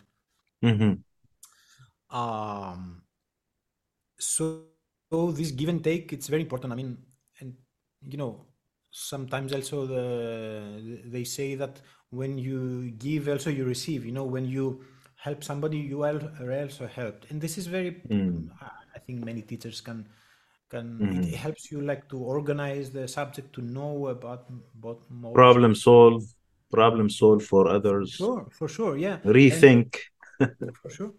Absolutely. And you have to be inventive because every time you, the, the the student can be different you know a different age uh, from different environment with different background of different uh, part of the world. Mm, especially mm, nowadays that uh, I, i'm teaching also online you know you th- this is the let's say the problem of distance also no? So you have really to be mm, inventive to to pass something to the student that that will help and hopefully inspire her to mm, you know do it you know not feel ah you know i'm alone here in germany or i'm alone here in the united states and i have no one to play but but you want to do it no? You're you're you asked for it. So uh, how to do it. So it's a it's a good uh, it's a good um, training let's say. And I i i I like i like teaching in the sense that searching, as we said before, this way of making it something that is also pleasurable for the teacher. Mm. I don't think that we, as teacher, we should feel guilty that ah, you know, I'm doing this for me and not for. No, you're doing it for music. Music should be there, you know. So if the class is boring, nobody is going to be helped. If you just tell to the student to the student do ta ra ra ra ra ra and you're doing in a bored way, then yeah, I mean, Mhm. bad for you, you know. Mhm. Uh, but if if you you know hopefully find a way of um, making repetition be magical or giving the right uh, balance of uh, mental information and musical uh, information or musicality, Mm. then it's it's good. It's great. I mean, it's it's nice that music happens in the class. That it's not just uh, maybe sometimes maybe it will be blah blah blah. Mhm. But uh, I, I I and as you see, I have the tendency of sometimes talking too much. No, no, this is an interview to talk. yes, well, yeah. I'm sure uh, teaching I'm is something to- else. I'm more used to playing. Um, Yeah. But the, I, I think this is no seriously. This is something as uh, me as a teacher, I, I try to have in mind because sometimes you know students are like this from the intellectual information from the you know of the mind, Mm. and it's really important to give also music. You know, to because through music you're inspired. You're not in okay. Words can be inspiring, but music is more inspiring. Exactly. And some of them, uh, they get used to reading books or going online for information or getting confused with too many things. They, they miss it. They miss the objective of uh, music itself, isn't it? Yeah, and it can depend on the personality and the character of the person. Some some people can use the information, the men, the expl- explanations or even theory, and they, they hmm. know where to put them, and they know then how to take the music forward. Yeah. Some other people are like, oh, Christos, this is too much. You know, I, I can't follow. I mean, not that I hmm. can't follow, but they have their way. You know, so you really have to be sensible and sensitive with the musician and to the to the person and understand what will help her Hmm. and we we sometimes it's it's a matter of uh, relational so it doesn't always work sometimes it just doesn't work so maybe uh, you're not the right teacher you know so um, yeah What do you teach, uh, Christos? Do you teach technique? Do you teach pieces? You do a combination of things? What's your approach? on the ney Uh, and and yeah, and, and person like now many kinds of musics we talked about. Huh. What do you teach exactly? Music, instrument, uh, for the online or in-person sessions? I mean, okay, Mm. I, I teach more things than, than only ney. I mean, Mm. occasionally, sorry, occasionally, uh, for example, last August, I did um, a seminar in composition in Labyrinth, uh, as you know. Yeah. Uh, Mhm. sometimes the classes next Labyrinth seminar are is on a model group, so it's open. Mm. It's uh, all instruments are welcome. Um, and uh, or at sometimes I, I like this open approach. So sometimes I will do I will do this uh, Ney Cafe meeting, which maybe does it's it's I, I'm not sure. I, I also wonder if somebody will think ah it's it's not respectful for the Ney to say Ney Cafe, but for me it's some I'm not sure. But for me the intention is very sincere. It's just to have a you know to have a coffee. Yes. Yeah. and uh, at the same time talk or make music in a way that in an informal way where people can share their questions or answers or uh, you know doubts about music and we just play usually we study actually a piece or Mhm. make a composition exercise or whatever. So generally i, I uh, like to have an open mind and not to say you must learn this. Actually it is what i enjoy also in the being n- not being in an a- academic institution. A- as you may have um, uh, understood I- don't like so much to to follow a certain program of uh, you know by the end of the year you must have learned this and this is your the pieces and this is one of the reasons also I think I exited in a bit you know modest way from academy. I, I, I was teaching for four or five years in some universities in Greece, and it's, it was very nice. But for me, it didn't feel at at, at, at that moment that it was uh, that I commit I can commit myself to this. So I prefer to more to f- try to understand what the, the student uh, wants and needs, or hmm what I can do to help her or him like open uh, to to to, to understand. huh? And so, for example, when I will teach the ney, because the instrument it's is um, hmm uh, on one part it's a concrete instrument, and the other part it is a carrier of of how how do you call this? Hmm life, culture, history, sound. Yes, yes, this yes. instrument that I teach, I, I mostly mostly teach the Turkish type, has Mm, its basis repertory, let's say. So I try to st- start from there. I think it it does justice to the instrument to hmm know about you know Pesref and Ilahis and um, Semais and songs.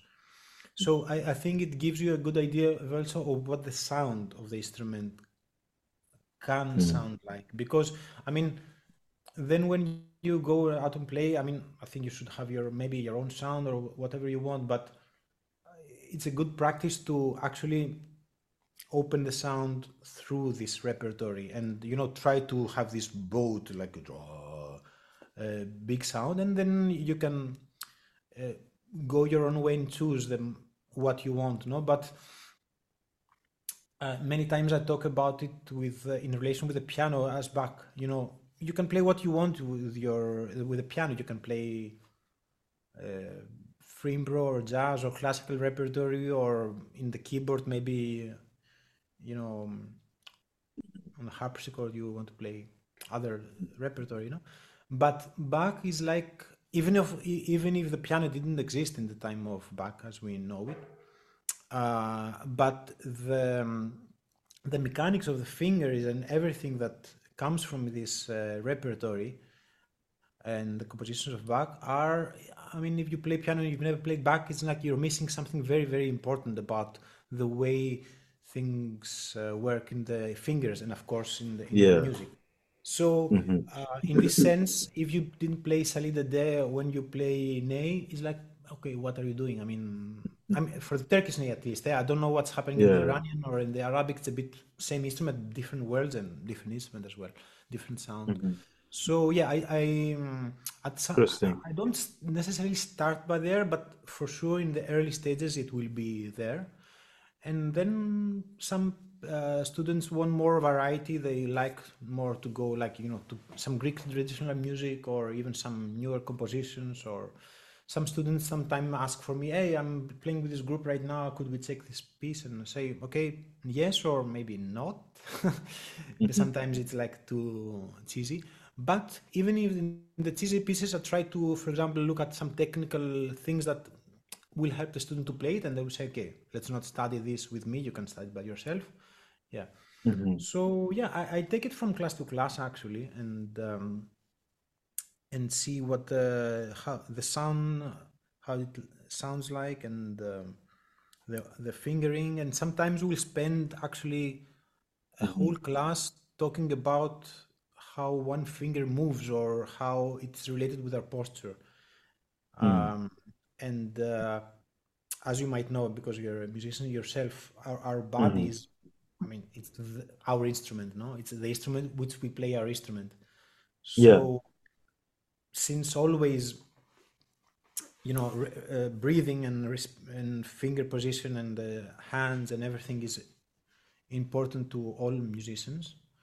Uh, but especially the last years when, as you know from my partner, that she's a Jennifer, she's a Feldenkrais practitioner, and I practice with Mm. her occasionally, and it, it it's a it's a very good. I mean, it gives some more, let's say, mm, um, input and insight how the person can be helped by you know for example ca- can I take the name to show you something? Yeah, please, please. Uh, um, so, for example, the, sometimes people will play like like this, no? Yeah. Like uh, like uh, with this position. Well, hmm it has to do with ergonomy. I mean, ergonomy and is a is an is a concept that is super important. hmm Uh, how do you call this Japanese uh, woman that makes this? Uh, you know how to to to um, double your clothes to have the perfect uh, you know the space. Nothing to do with it. Yeah. but it is in a sense economy like we, how with the least effort you have the can have the best result Efficiency. Yeah. efficiency it's about uh, how to Mm. organize and how uh, what strategies to to, uh, to have with your body in order not to have injury uh, injury hmm and how to have also um, uh, to, to, to be able to play a, a long time without getting um, tired eh? Yes. Yes. Um, Mm. So, for example, this position in the knee is something that you do a lot of movement in order to Mm. to raise your finger because Yeah. if you see, I'm using all. Uh, if you see here, Yeah. these articulations. I mean, the finger has one, two, three articulations here, and they cannot Mm. move at the same time. So it's a lot of information. So, what specific time is the finger uh, uh, taking, uh, let's say, flight? eh? Yeah. difficult to say. So, for example, a simple thing we do is like to treat the finger as one whole, not in the sense Mm. of uh, something that is rigid or uh, you can't move it, but something that maybe in this finger is more evident from here. Yeah. Instead Yes. of doing this, I mean, you can do this if you want later on in order to create this kind of glissando, like, Mm. um, huh? but hmm let's say this if you have this articulation mainly moving is more efficient more easy and it can be Mhm. very fast without effort while this Yes. oh it's like wow it's so for Not example, consistent, maybe. Yeah. Yeah so you know Yeah. you know st- uh, play, people will play like this and after some time if we work for one hour for example we will do this and their sound is totally changing not Yeah. only because of here but because what you do here it affects also the Lips. uh, the, the lips Mm. and actually something i learned through feldenkrais and i I was kind of intuitively knew it before is that when you use well one part of your body and you relax one part of the body the, because the nervous system is something that is connected in the body the nervous system is not you know uh, disconnected actually it helps you rela- uh, relax the whole body Mm. and if there is a tension here, for example, in the neck, it affects the diaphragm also. But if you relax the neck, then Mm. oh, it's, it feels more comfortable. So, Mm. we do all these things, so crazy stuff in the classes. Wow. Just Interesting. it's related to what we were saying before. Mm. When you play music for yourself, first of all, Mm. I, I, don't mean it with egoistical part I, for myself, but no, when you're you and the music, you Mhm. cannot really be. You must be comfortable. You know, you must be like at home. You know, just having coffee with a good friend of yours.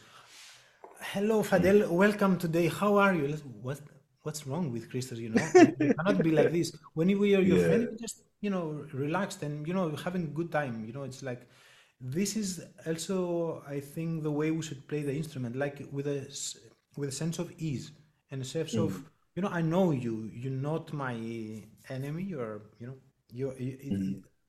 um, the instrument should not be a, a foreign body in our and so that sounds simple but sometimes it's uh, well It's the core of it. It's the core of it. Interesting. it, it takes some uh, some but again it has to do with the person every time of the awareness of the person of the optical information about the character it's like you know Mm. ross our our teacher and our good friend says it in a very um, uh, precise and you know as usually as ross talks he says that actually the, the way you play music is what you bring from your life. It's, it's, it's all this. So Mhm. uh, It's a reflection of you. it's a reflection, uh, and I'm saying it not just not to say that ah in my classes I work with a life of person. No, it's not about this. But what I meant to say is that the way we hold the instrument and we is a reflection of um, how we relate to things. You know, it's, Yeah. it's not easy. I mean, it's not easy. It's not difficult either. But uh, yeah, this is all the things we work with when we work with music. Interesting. Mm. Interesting. Uh, I really encourage uh, students to come to your classes. I have seen and I have met you, and I have seen people talking about your classes. And uh, later we will discuss how people can reach out to your classes. But let's discuss uh, Labyrinth Catalonia. Right. Yeah, tell me about it, how it started. What do you do in there? Yeah. Um, Labyrinth Catalonia started at the same time. It was summer of uh, 69. No, it was the summer of uh, 2015. Mhm. And I was packing up. I was preparing for a move to Spain. I Mhm. was just moving from Crete when I was living at that point. I was Mm. living for three and a half years in Crete near Houdetsi. Mhm. where Labyrinth Musical Workshop and the mu- museum are there. Mhm. And my plans were to move to Cardedeu, which is a Mm. village, a small town north from Barcelona, 30 kilometers Yes. away from Barcelona. Mm. And Anna Pond Correas, this uh, friend of um, ours and uh, a student of Labyrinth, also in Crete, Mm. I mean, primarily in Crete, is from Cardedeu, and she was the connection, uh, uh, actually, one of the connections why we, uh, I moved to Cardedeu. And at that point, we were talking, and I think I think the idea sprang from her. I'm, I'm not really, I don't really remember, but we were talking about. I mean, sorry, let, let's let's make uh, a parenthesis. Already for some six years before 2015, Mhm. um, me and the Efren Lopez were already coming in this region near Montseny, which is the um, the mountain which is near Cardedeu, and giving some seminars uh, about Ney or or Makam music or um, things uh, related things. Yeah. Um, I was we, we did mention this because but I was coming to Spain th- since after Granada, uh, since 2004 2005 with Efren Mm. playing with various bands like L'Ham de Foc and uh, Aman Aman and uh, other Mhm. projects of mainly of, of Efren, and um, so I I was a kind of uh, getting every time more comfortable and in, in feeling at home in the in, Mhm. in place in Spain. Uh, especially many other people, I think, but especially Efren uh, by his teaching, his playing, he was kind of you know promoting at the same time in a in a natural way. No, no, take the card Mhm. uh, of the work that's happening in Labyrinth and all the and the Mm. interest of people. Actually, people that if you're in Spain and you are interested or studying or listening in some way, like music from Greece or Turkey or Middle East or you know Afghanistan, India or whatever, the most probable thing is that you have will have heard of Labyrinth, especially now after 20 years of of Mm. the annual seminars uh, in Crete, because Ross, with his work, as you know, it goes back to 83, like 40 years uh, before. Yeah. Uh, so anyway, so when I moved here to live here, there was this idea. Okay, you're already doing these uh, seminars and things with Efren. Why don't mm, we make a like more permanent uh, thing, like a permanent or organized in the sense to make you know three or four or five seminars and invite people from and so um, when i came here in spain we started it in 2016 that, that was the first spring edition Mm. and uh, the idea was actually very very simple. Just to do what's happening in Crete, like to take this, as we said before, this this opportunity to study and and share music and Mm. and share one week of uh, being together with uh, people that have the same Mhm. interest. Uh, also, in another place that is not Crete, Mm. it was not like that there was a problem in Crete or something, Yeah. but it was like uh, actually the first thing, obviously, uh, I did when the, this idea sprang is talk with Ross and the people in the uh, in the musical musical workshop there Mm. and share this idea and see what their feedback was. no?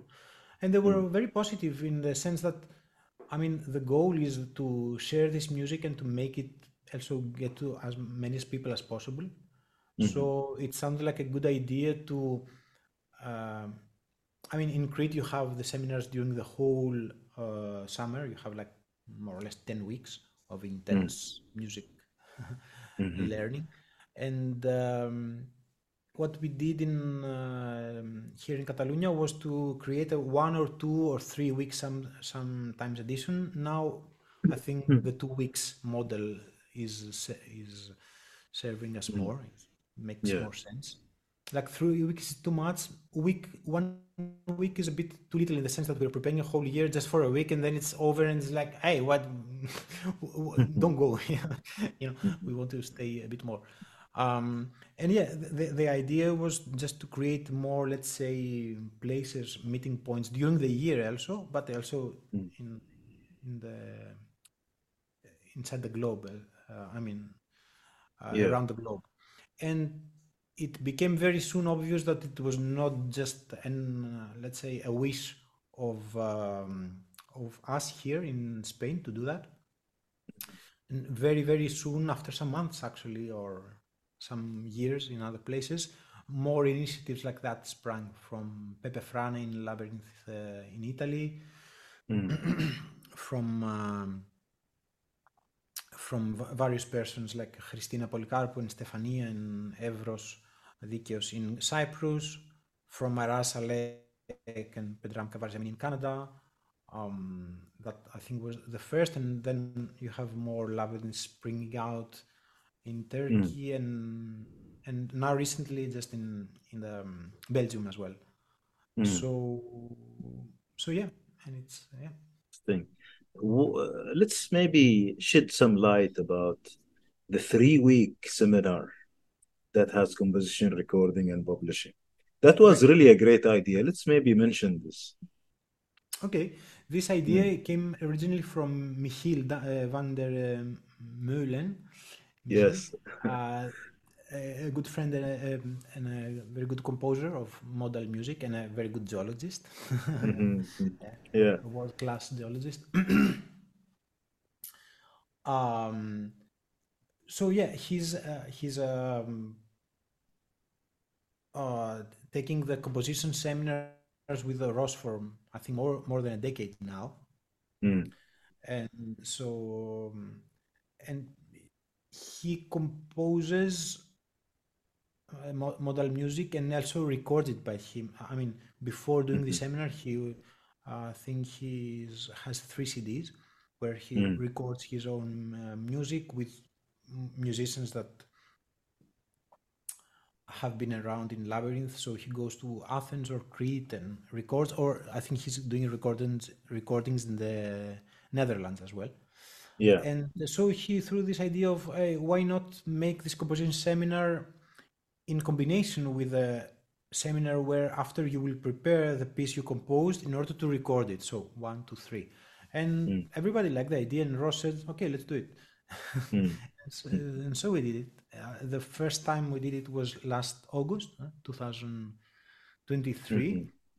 and it worked it worked nice it was like also it was the first time we did it so it's like it's a kind of nobody knew exactly what's going to happen i was Mm. present actually the first week because i taught the seminar of composition and then pavlos spyropoulos came and orchestrated the second week and vangelis apostolou was there the sound engineer the third week so also me i have a partial let's say experience of the whole three weeks because i was not there during the Mhm. last 14 days um, maybe in the future it would make sense also to for people to be present, if not the whole three weeks, to to kind of being around and.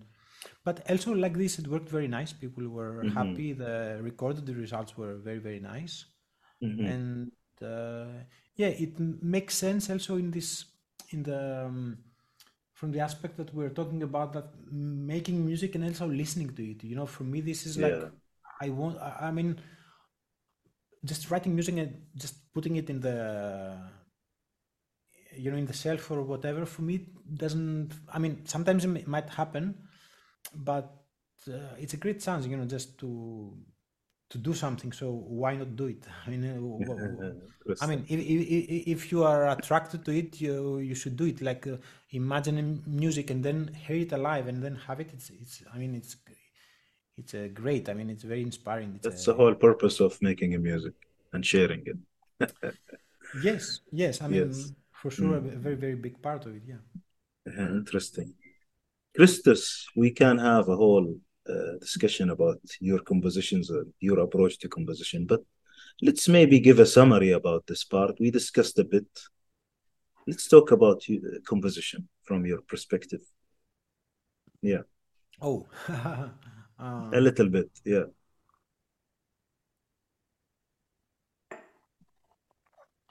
um I uh, I don't think I have a fixed I I, I think so I, I don't think I have a fixed idea about what what this composition is for me or what's supposed to be Mm, um I think it's just an open space for uh, for discovering mhm, I want to say new things, but I don't really mean like new things in the sense that something that was not heard before, you know, something like that.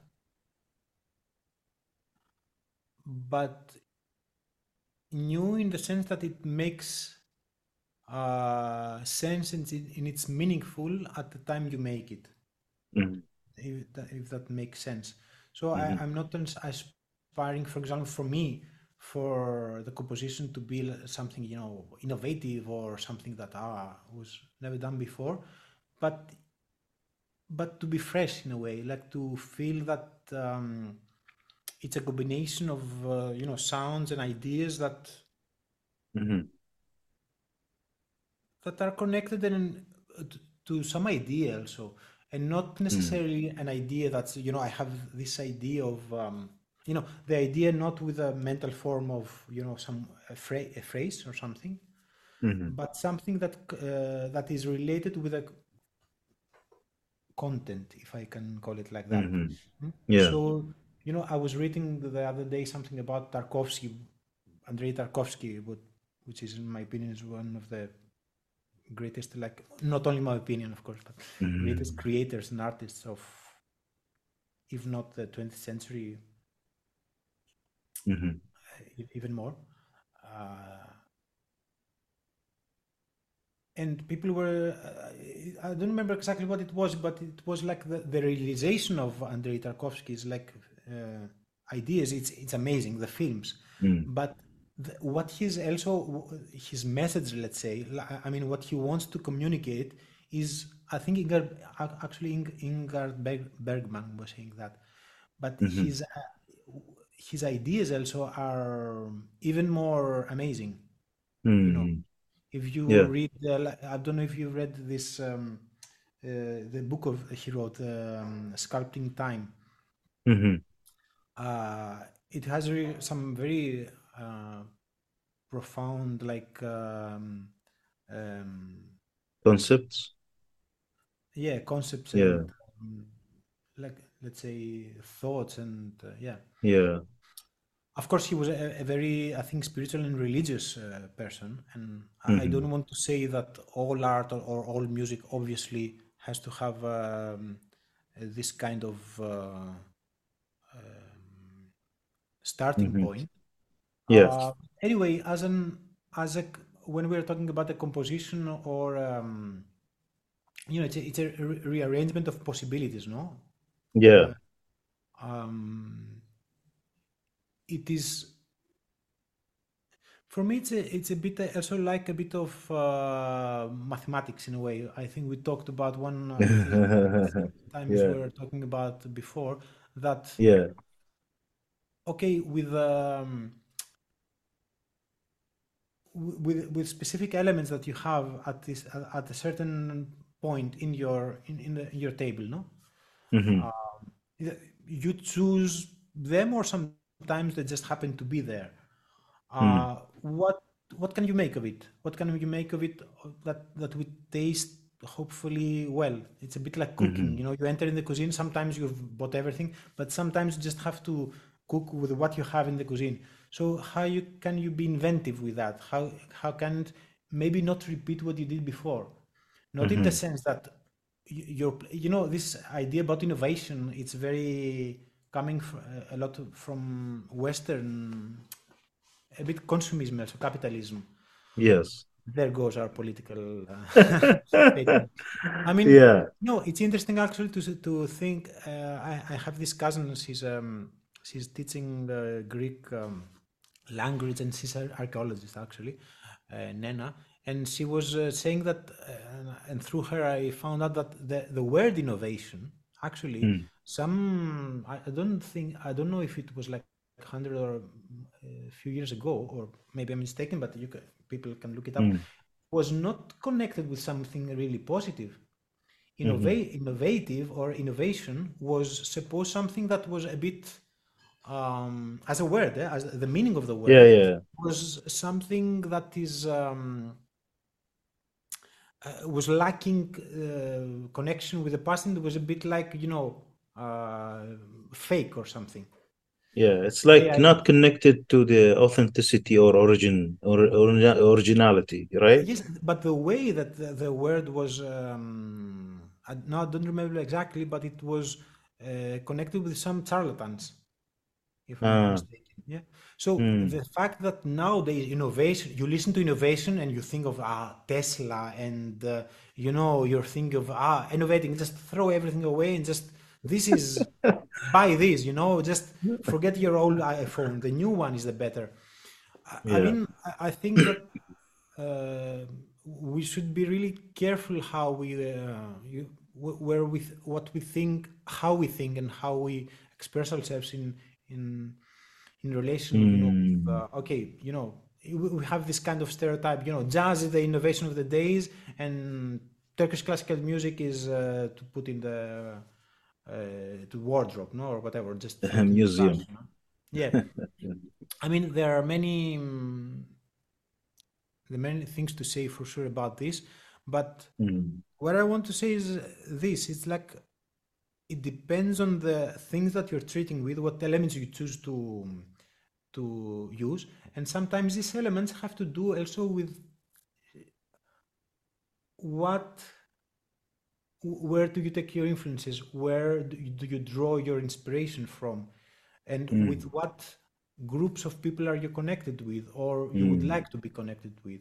And where mhm. do you draw your ideas from? You know it's like or what landscape Yeah. is in your Mm, mind? Are you living in you know in catalonia or in saudi arabia or in norway or in brooklyn you know?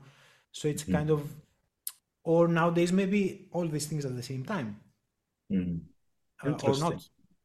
And in the Mm, end when you enter your cuisine and you and you and you take these things and you cook something is it eatable? I, I, i'm not a fan of um, this consumist uh, that music should sound always um,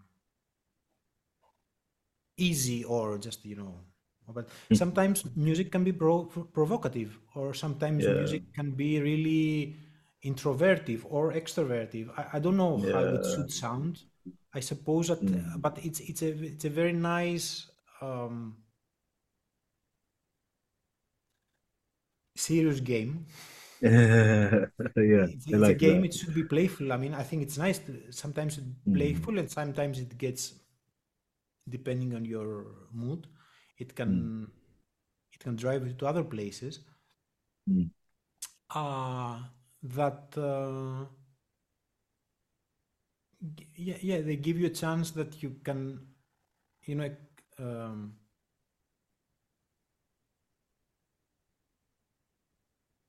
I wouldn't say express uh, the order that you feel in the world, but maybe it's not a good uh, way to put it because I don't know if you're yeah, you're expressing something, but at the same time you are a participant in something because you're Yeah, yeah. you're taking elements that are not yours and you Mm. rearrange them in a way that they Yeah, seem like they're, they're yours. It seems like the composition is mine, but you know, who am I? I mean, it's it's a kind of we are social animals, no? Like uh, Mm. like Aristotle I said. So so it's Mm. a kind of very interesting journey of uh, maybe learning, hopefully. I'm not, I'm not sure, but also enjoying because it's very joyful. You know, it's it's um, Yeah, interesting.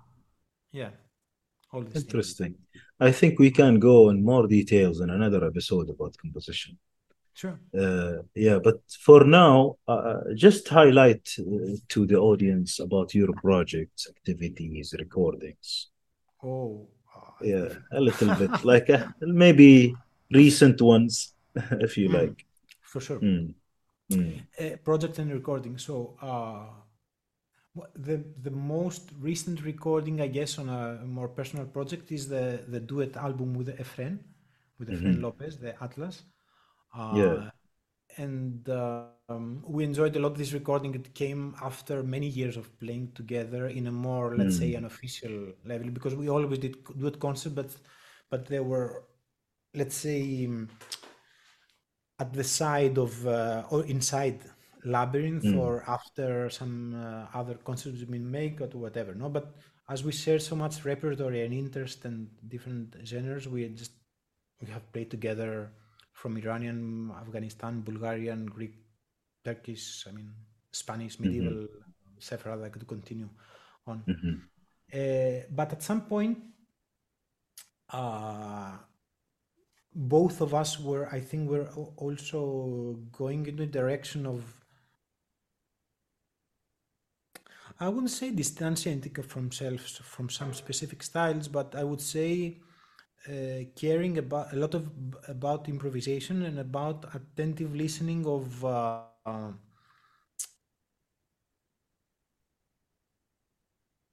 Mm, of how the music can be heard at this moment and not not necessarily connected with uh, let's say classical or traditional style. In even if we we have played the music in a traditional style we can play it we we kind of wanted to open up i think uh, wanted and i say that i think mm, parallelly we, we, we are mm. you, you know it's about seeing in how many in how how different can the music sound. Again not just to make it sound different but because you feel like it's natural thing to do. So it the recording of this uh, if i spend so much time talking about its recording we will it will be january. Anyway uh no, because it's connected to what we were saying before. Uh, So the Yeah, came actually from Constantino Lopez, a good friend of ours and a, and a sound engineer and musician, yeah, and that was creating these uh, recordings that he wanted to uh, make uh, live recordings with without overdubs, yeah, without uh, let's say too much mm, like composed, like putting focus on the live interplay and interaction of musicians. So it felt just mm, uh, right to to make it mm, at this point with Costadino, and um, so we did it, and we and it was a, a good. It was a very good experience for us because we felt that our music and our relation also grew mm, th- through this process. And now we are preparing the a second album, uh, mm, Atlas Two. This one, mm, this is one thing we're doing. Actually, I'm doing many things at the same at, uh, right now, so it would be a bit. Uh, mhm, um, another another thing I'm doing now in Barcelona is trying a bit to have more, let's say, roots and play with more musicians that are nearby because, as mm, you may know, uh, I mean, coming from Greece and then Crete and traveling around, you I and other persons were used to playing like musicians with uh, all over Europe and the world. So uh, mhm, sometimes it can get a bit, um, uh, mhm, you know, you, you're always traveling, which is great. I mean, but at the mhm, same time, with the pandemic, you understand that and living in a place it's good to I mean to, to have musicians around and play. So Perfect. one of the last things, the last concert I did was with uh, with a quartet um, uh, here in Barcelona with uh, with Alex uh, Guitart on the um, on the lavta, Georgi Dimitrov Mm. on the kanun, and Nabil Nair on the ney. This was last week, huh? exactly yes, just Mm. last Saturday actually Yeah. um, where we played compositions of mine and my intention also is to compose new material for this group i mean just to Mm. you know to, to have it as a as a, as a basis uh, let's say to Interesting. um, another thing i'm doing here is an as a quintet with uh, where, where where i play the piano and uh, Mm. the ney but mainly the piano and it is more let's say on the classical or jazz part chamber music Mhm. with Ramon Prats on uh, drums and um, and then there is also um, contrabass and cello and uh, and violin in the group. We have a concert next February here in Barcelona. And another thing, also all these are in the making. No, we have a, a, a concert of um, four neys together, ney quartet, which Mm. is uh, also like um, Mhm. and I wouldn't. I don't know if I would go to an experiment. I mean, many neys are very used to getting together and playing together, Yeah. in classes. But this is um, a thing we're trying to play also some compositions of mine, also to to make joint improvisations, Mm. and uh, also try the different uh, ideas, which will hope will soon materialize to um, to Interesting. an album. Mm, Interesting. Last question. okay. How can you be accessible? Me? Like I'm not accessible. I, students, I don't, I'm not. I the close. Uh, obscure, eh? obscure. So, uh, like, how can people contact you for projects, for classes, for but but? I, I'm serious because these days the question is has to be not accessible, no? Because I mean, Instagram, Facebook, mail, telephone, everybody can find you anytime. It's, the thing is Hmm. how to be. No, I mean, yes, my website is online. My mail is there, and Hmm. uh, I'm also on. I use like Instagram and Facebook, so people can very easily contact me through there. Perfect, perfect. Let's choose the last piece and then Okay. conclude and listen to it. So, what is the last piece to choose for our interview? So it is from the from the Atlas CD with a friend, Mhm. and uh, I chose it because, because I liked it also because but also because I don't play the ney there. Yeah. And for me, it's just an example of you know I'm I play some lavta, but I'm no lavta player. You know I'm.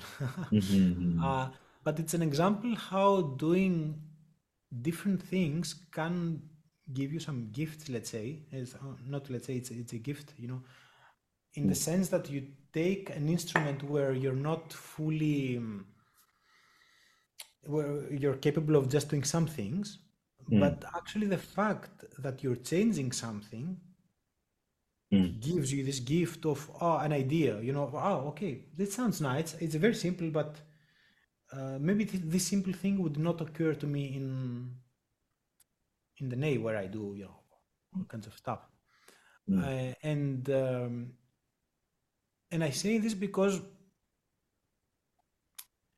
I mean, you have this traditional, uh, in some places, for in Turkey for sure. I think in some circles that, you know, if you want to be serious mu- music, you should do one thing. And I mean, we talked about the importance of being focused and concentrated. You know, but I don't think it's a. uh, For me personally, it's not a thing of being rigid also and say, okay, I can not do anything else because I have to focus here.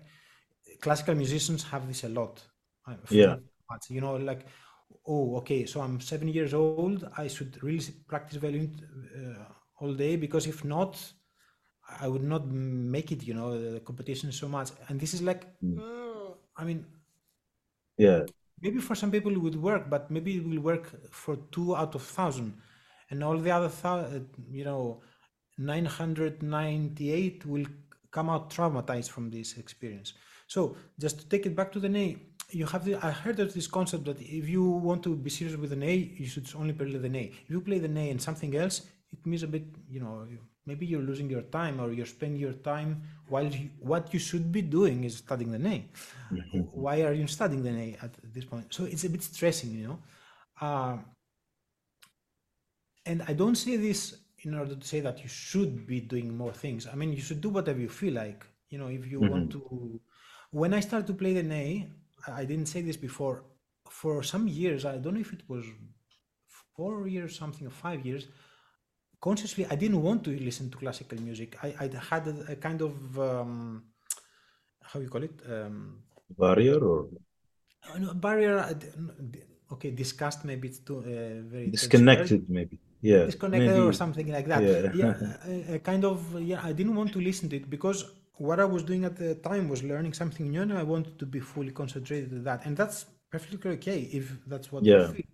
After some years, this changed, and now I just I'm in love with Bach. You know, I just play every day, and um, but again, just to finish with Lanao, just an example when you change something and you go out of the mindset that you're you're sure that it's your way and whatever maybe there is something interesting happening in the brain which gives you another perspective or can show other path but maybe it's not so goes in different way but maybe it's it's adding to Yeah. uh, what we are doing. And in my case for, for sure i feel it's adding uh, just the experience of studying some lavta with actually i studied with pericles online with pericles Papapetropoulos and it's like okay I, I cannot play really the lavta how i would like maybe uh, but you know this piece came out and and and,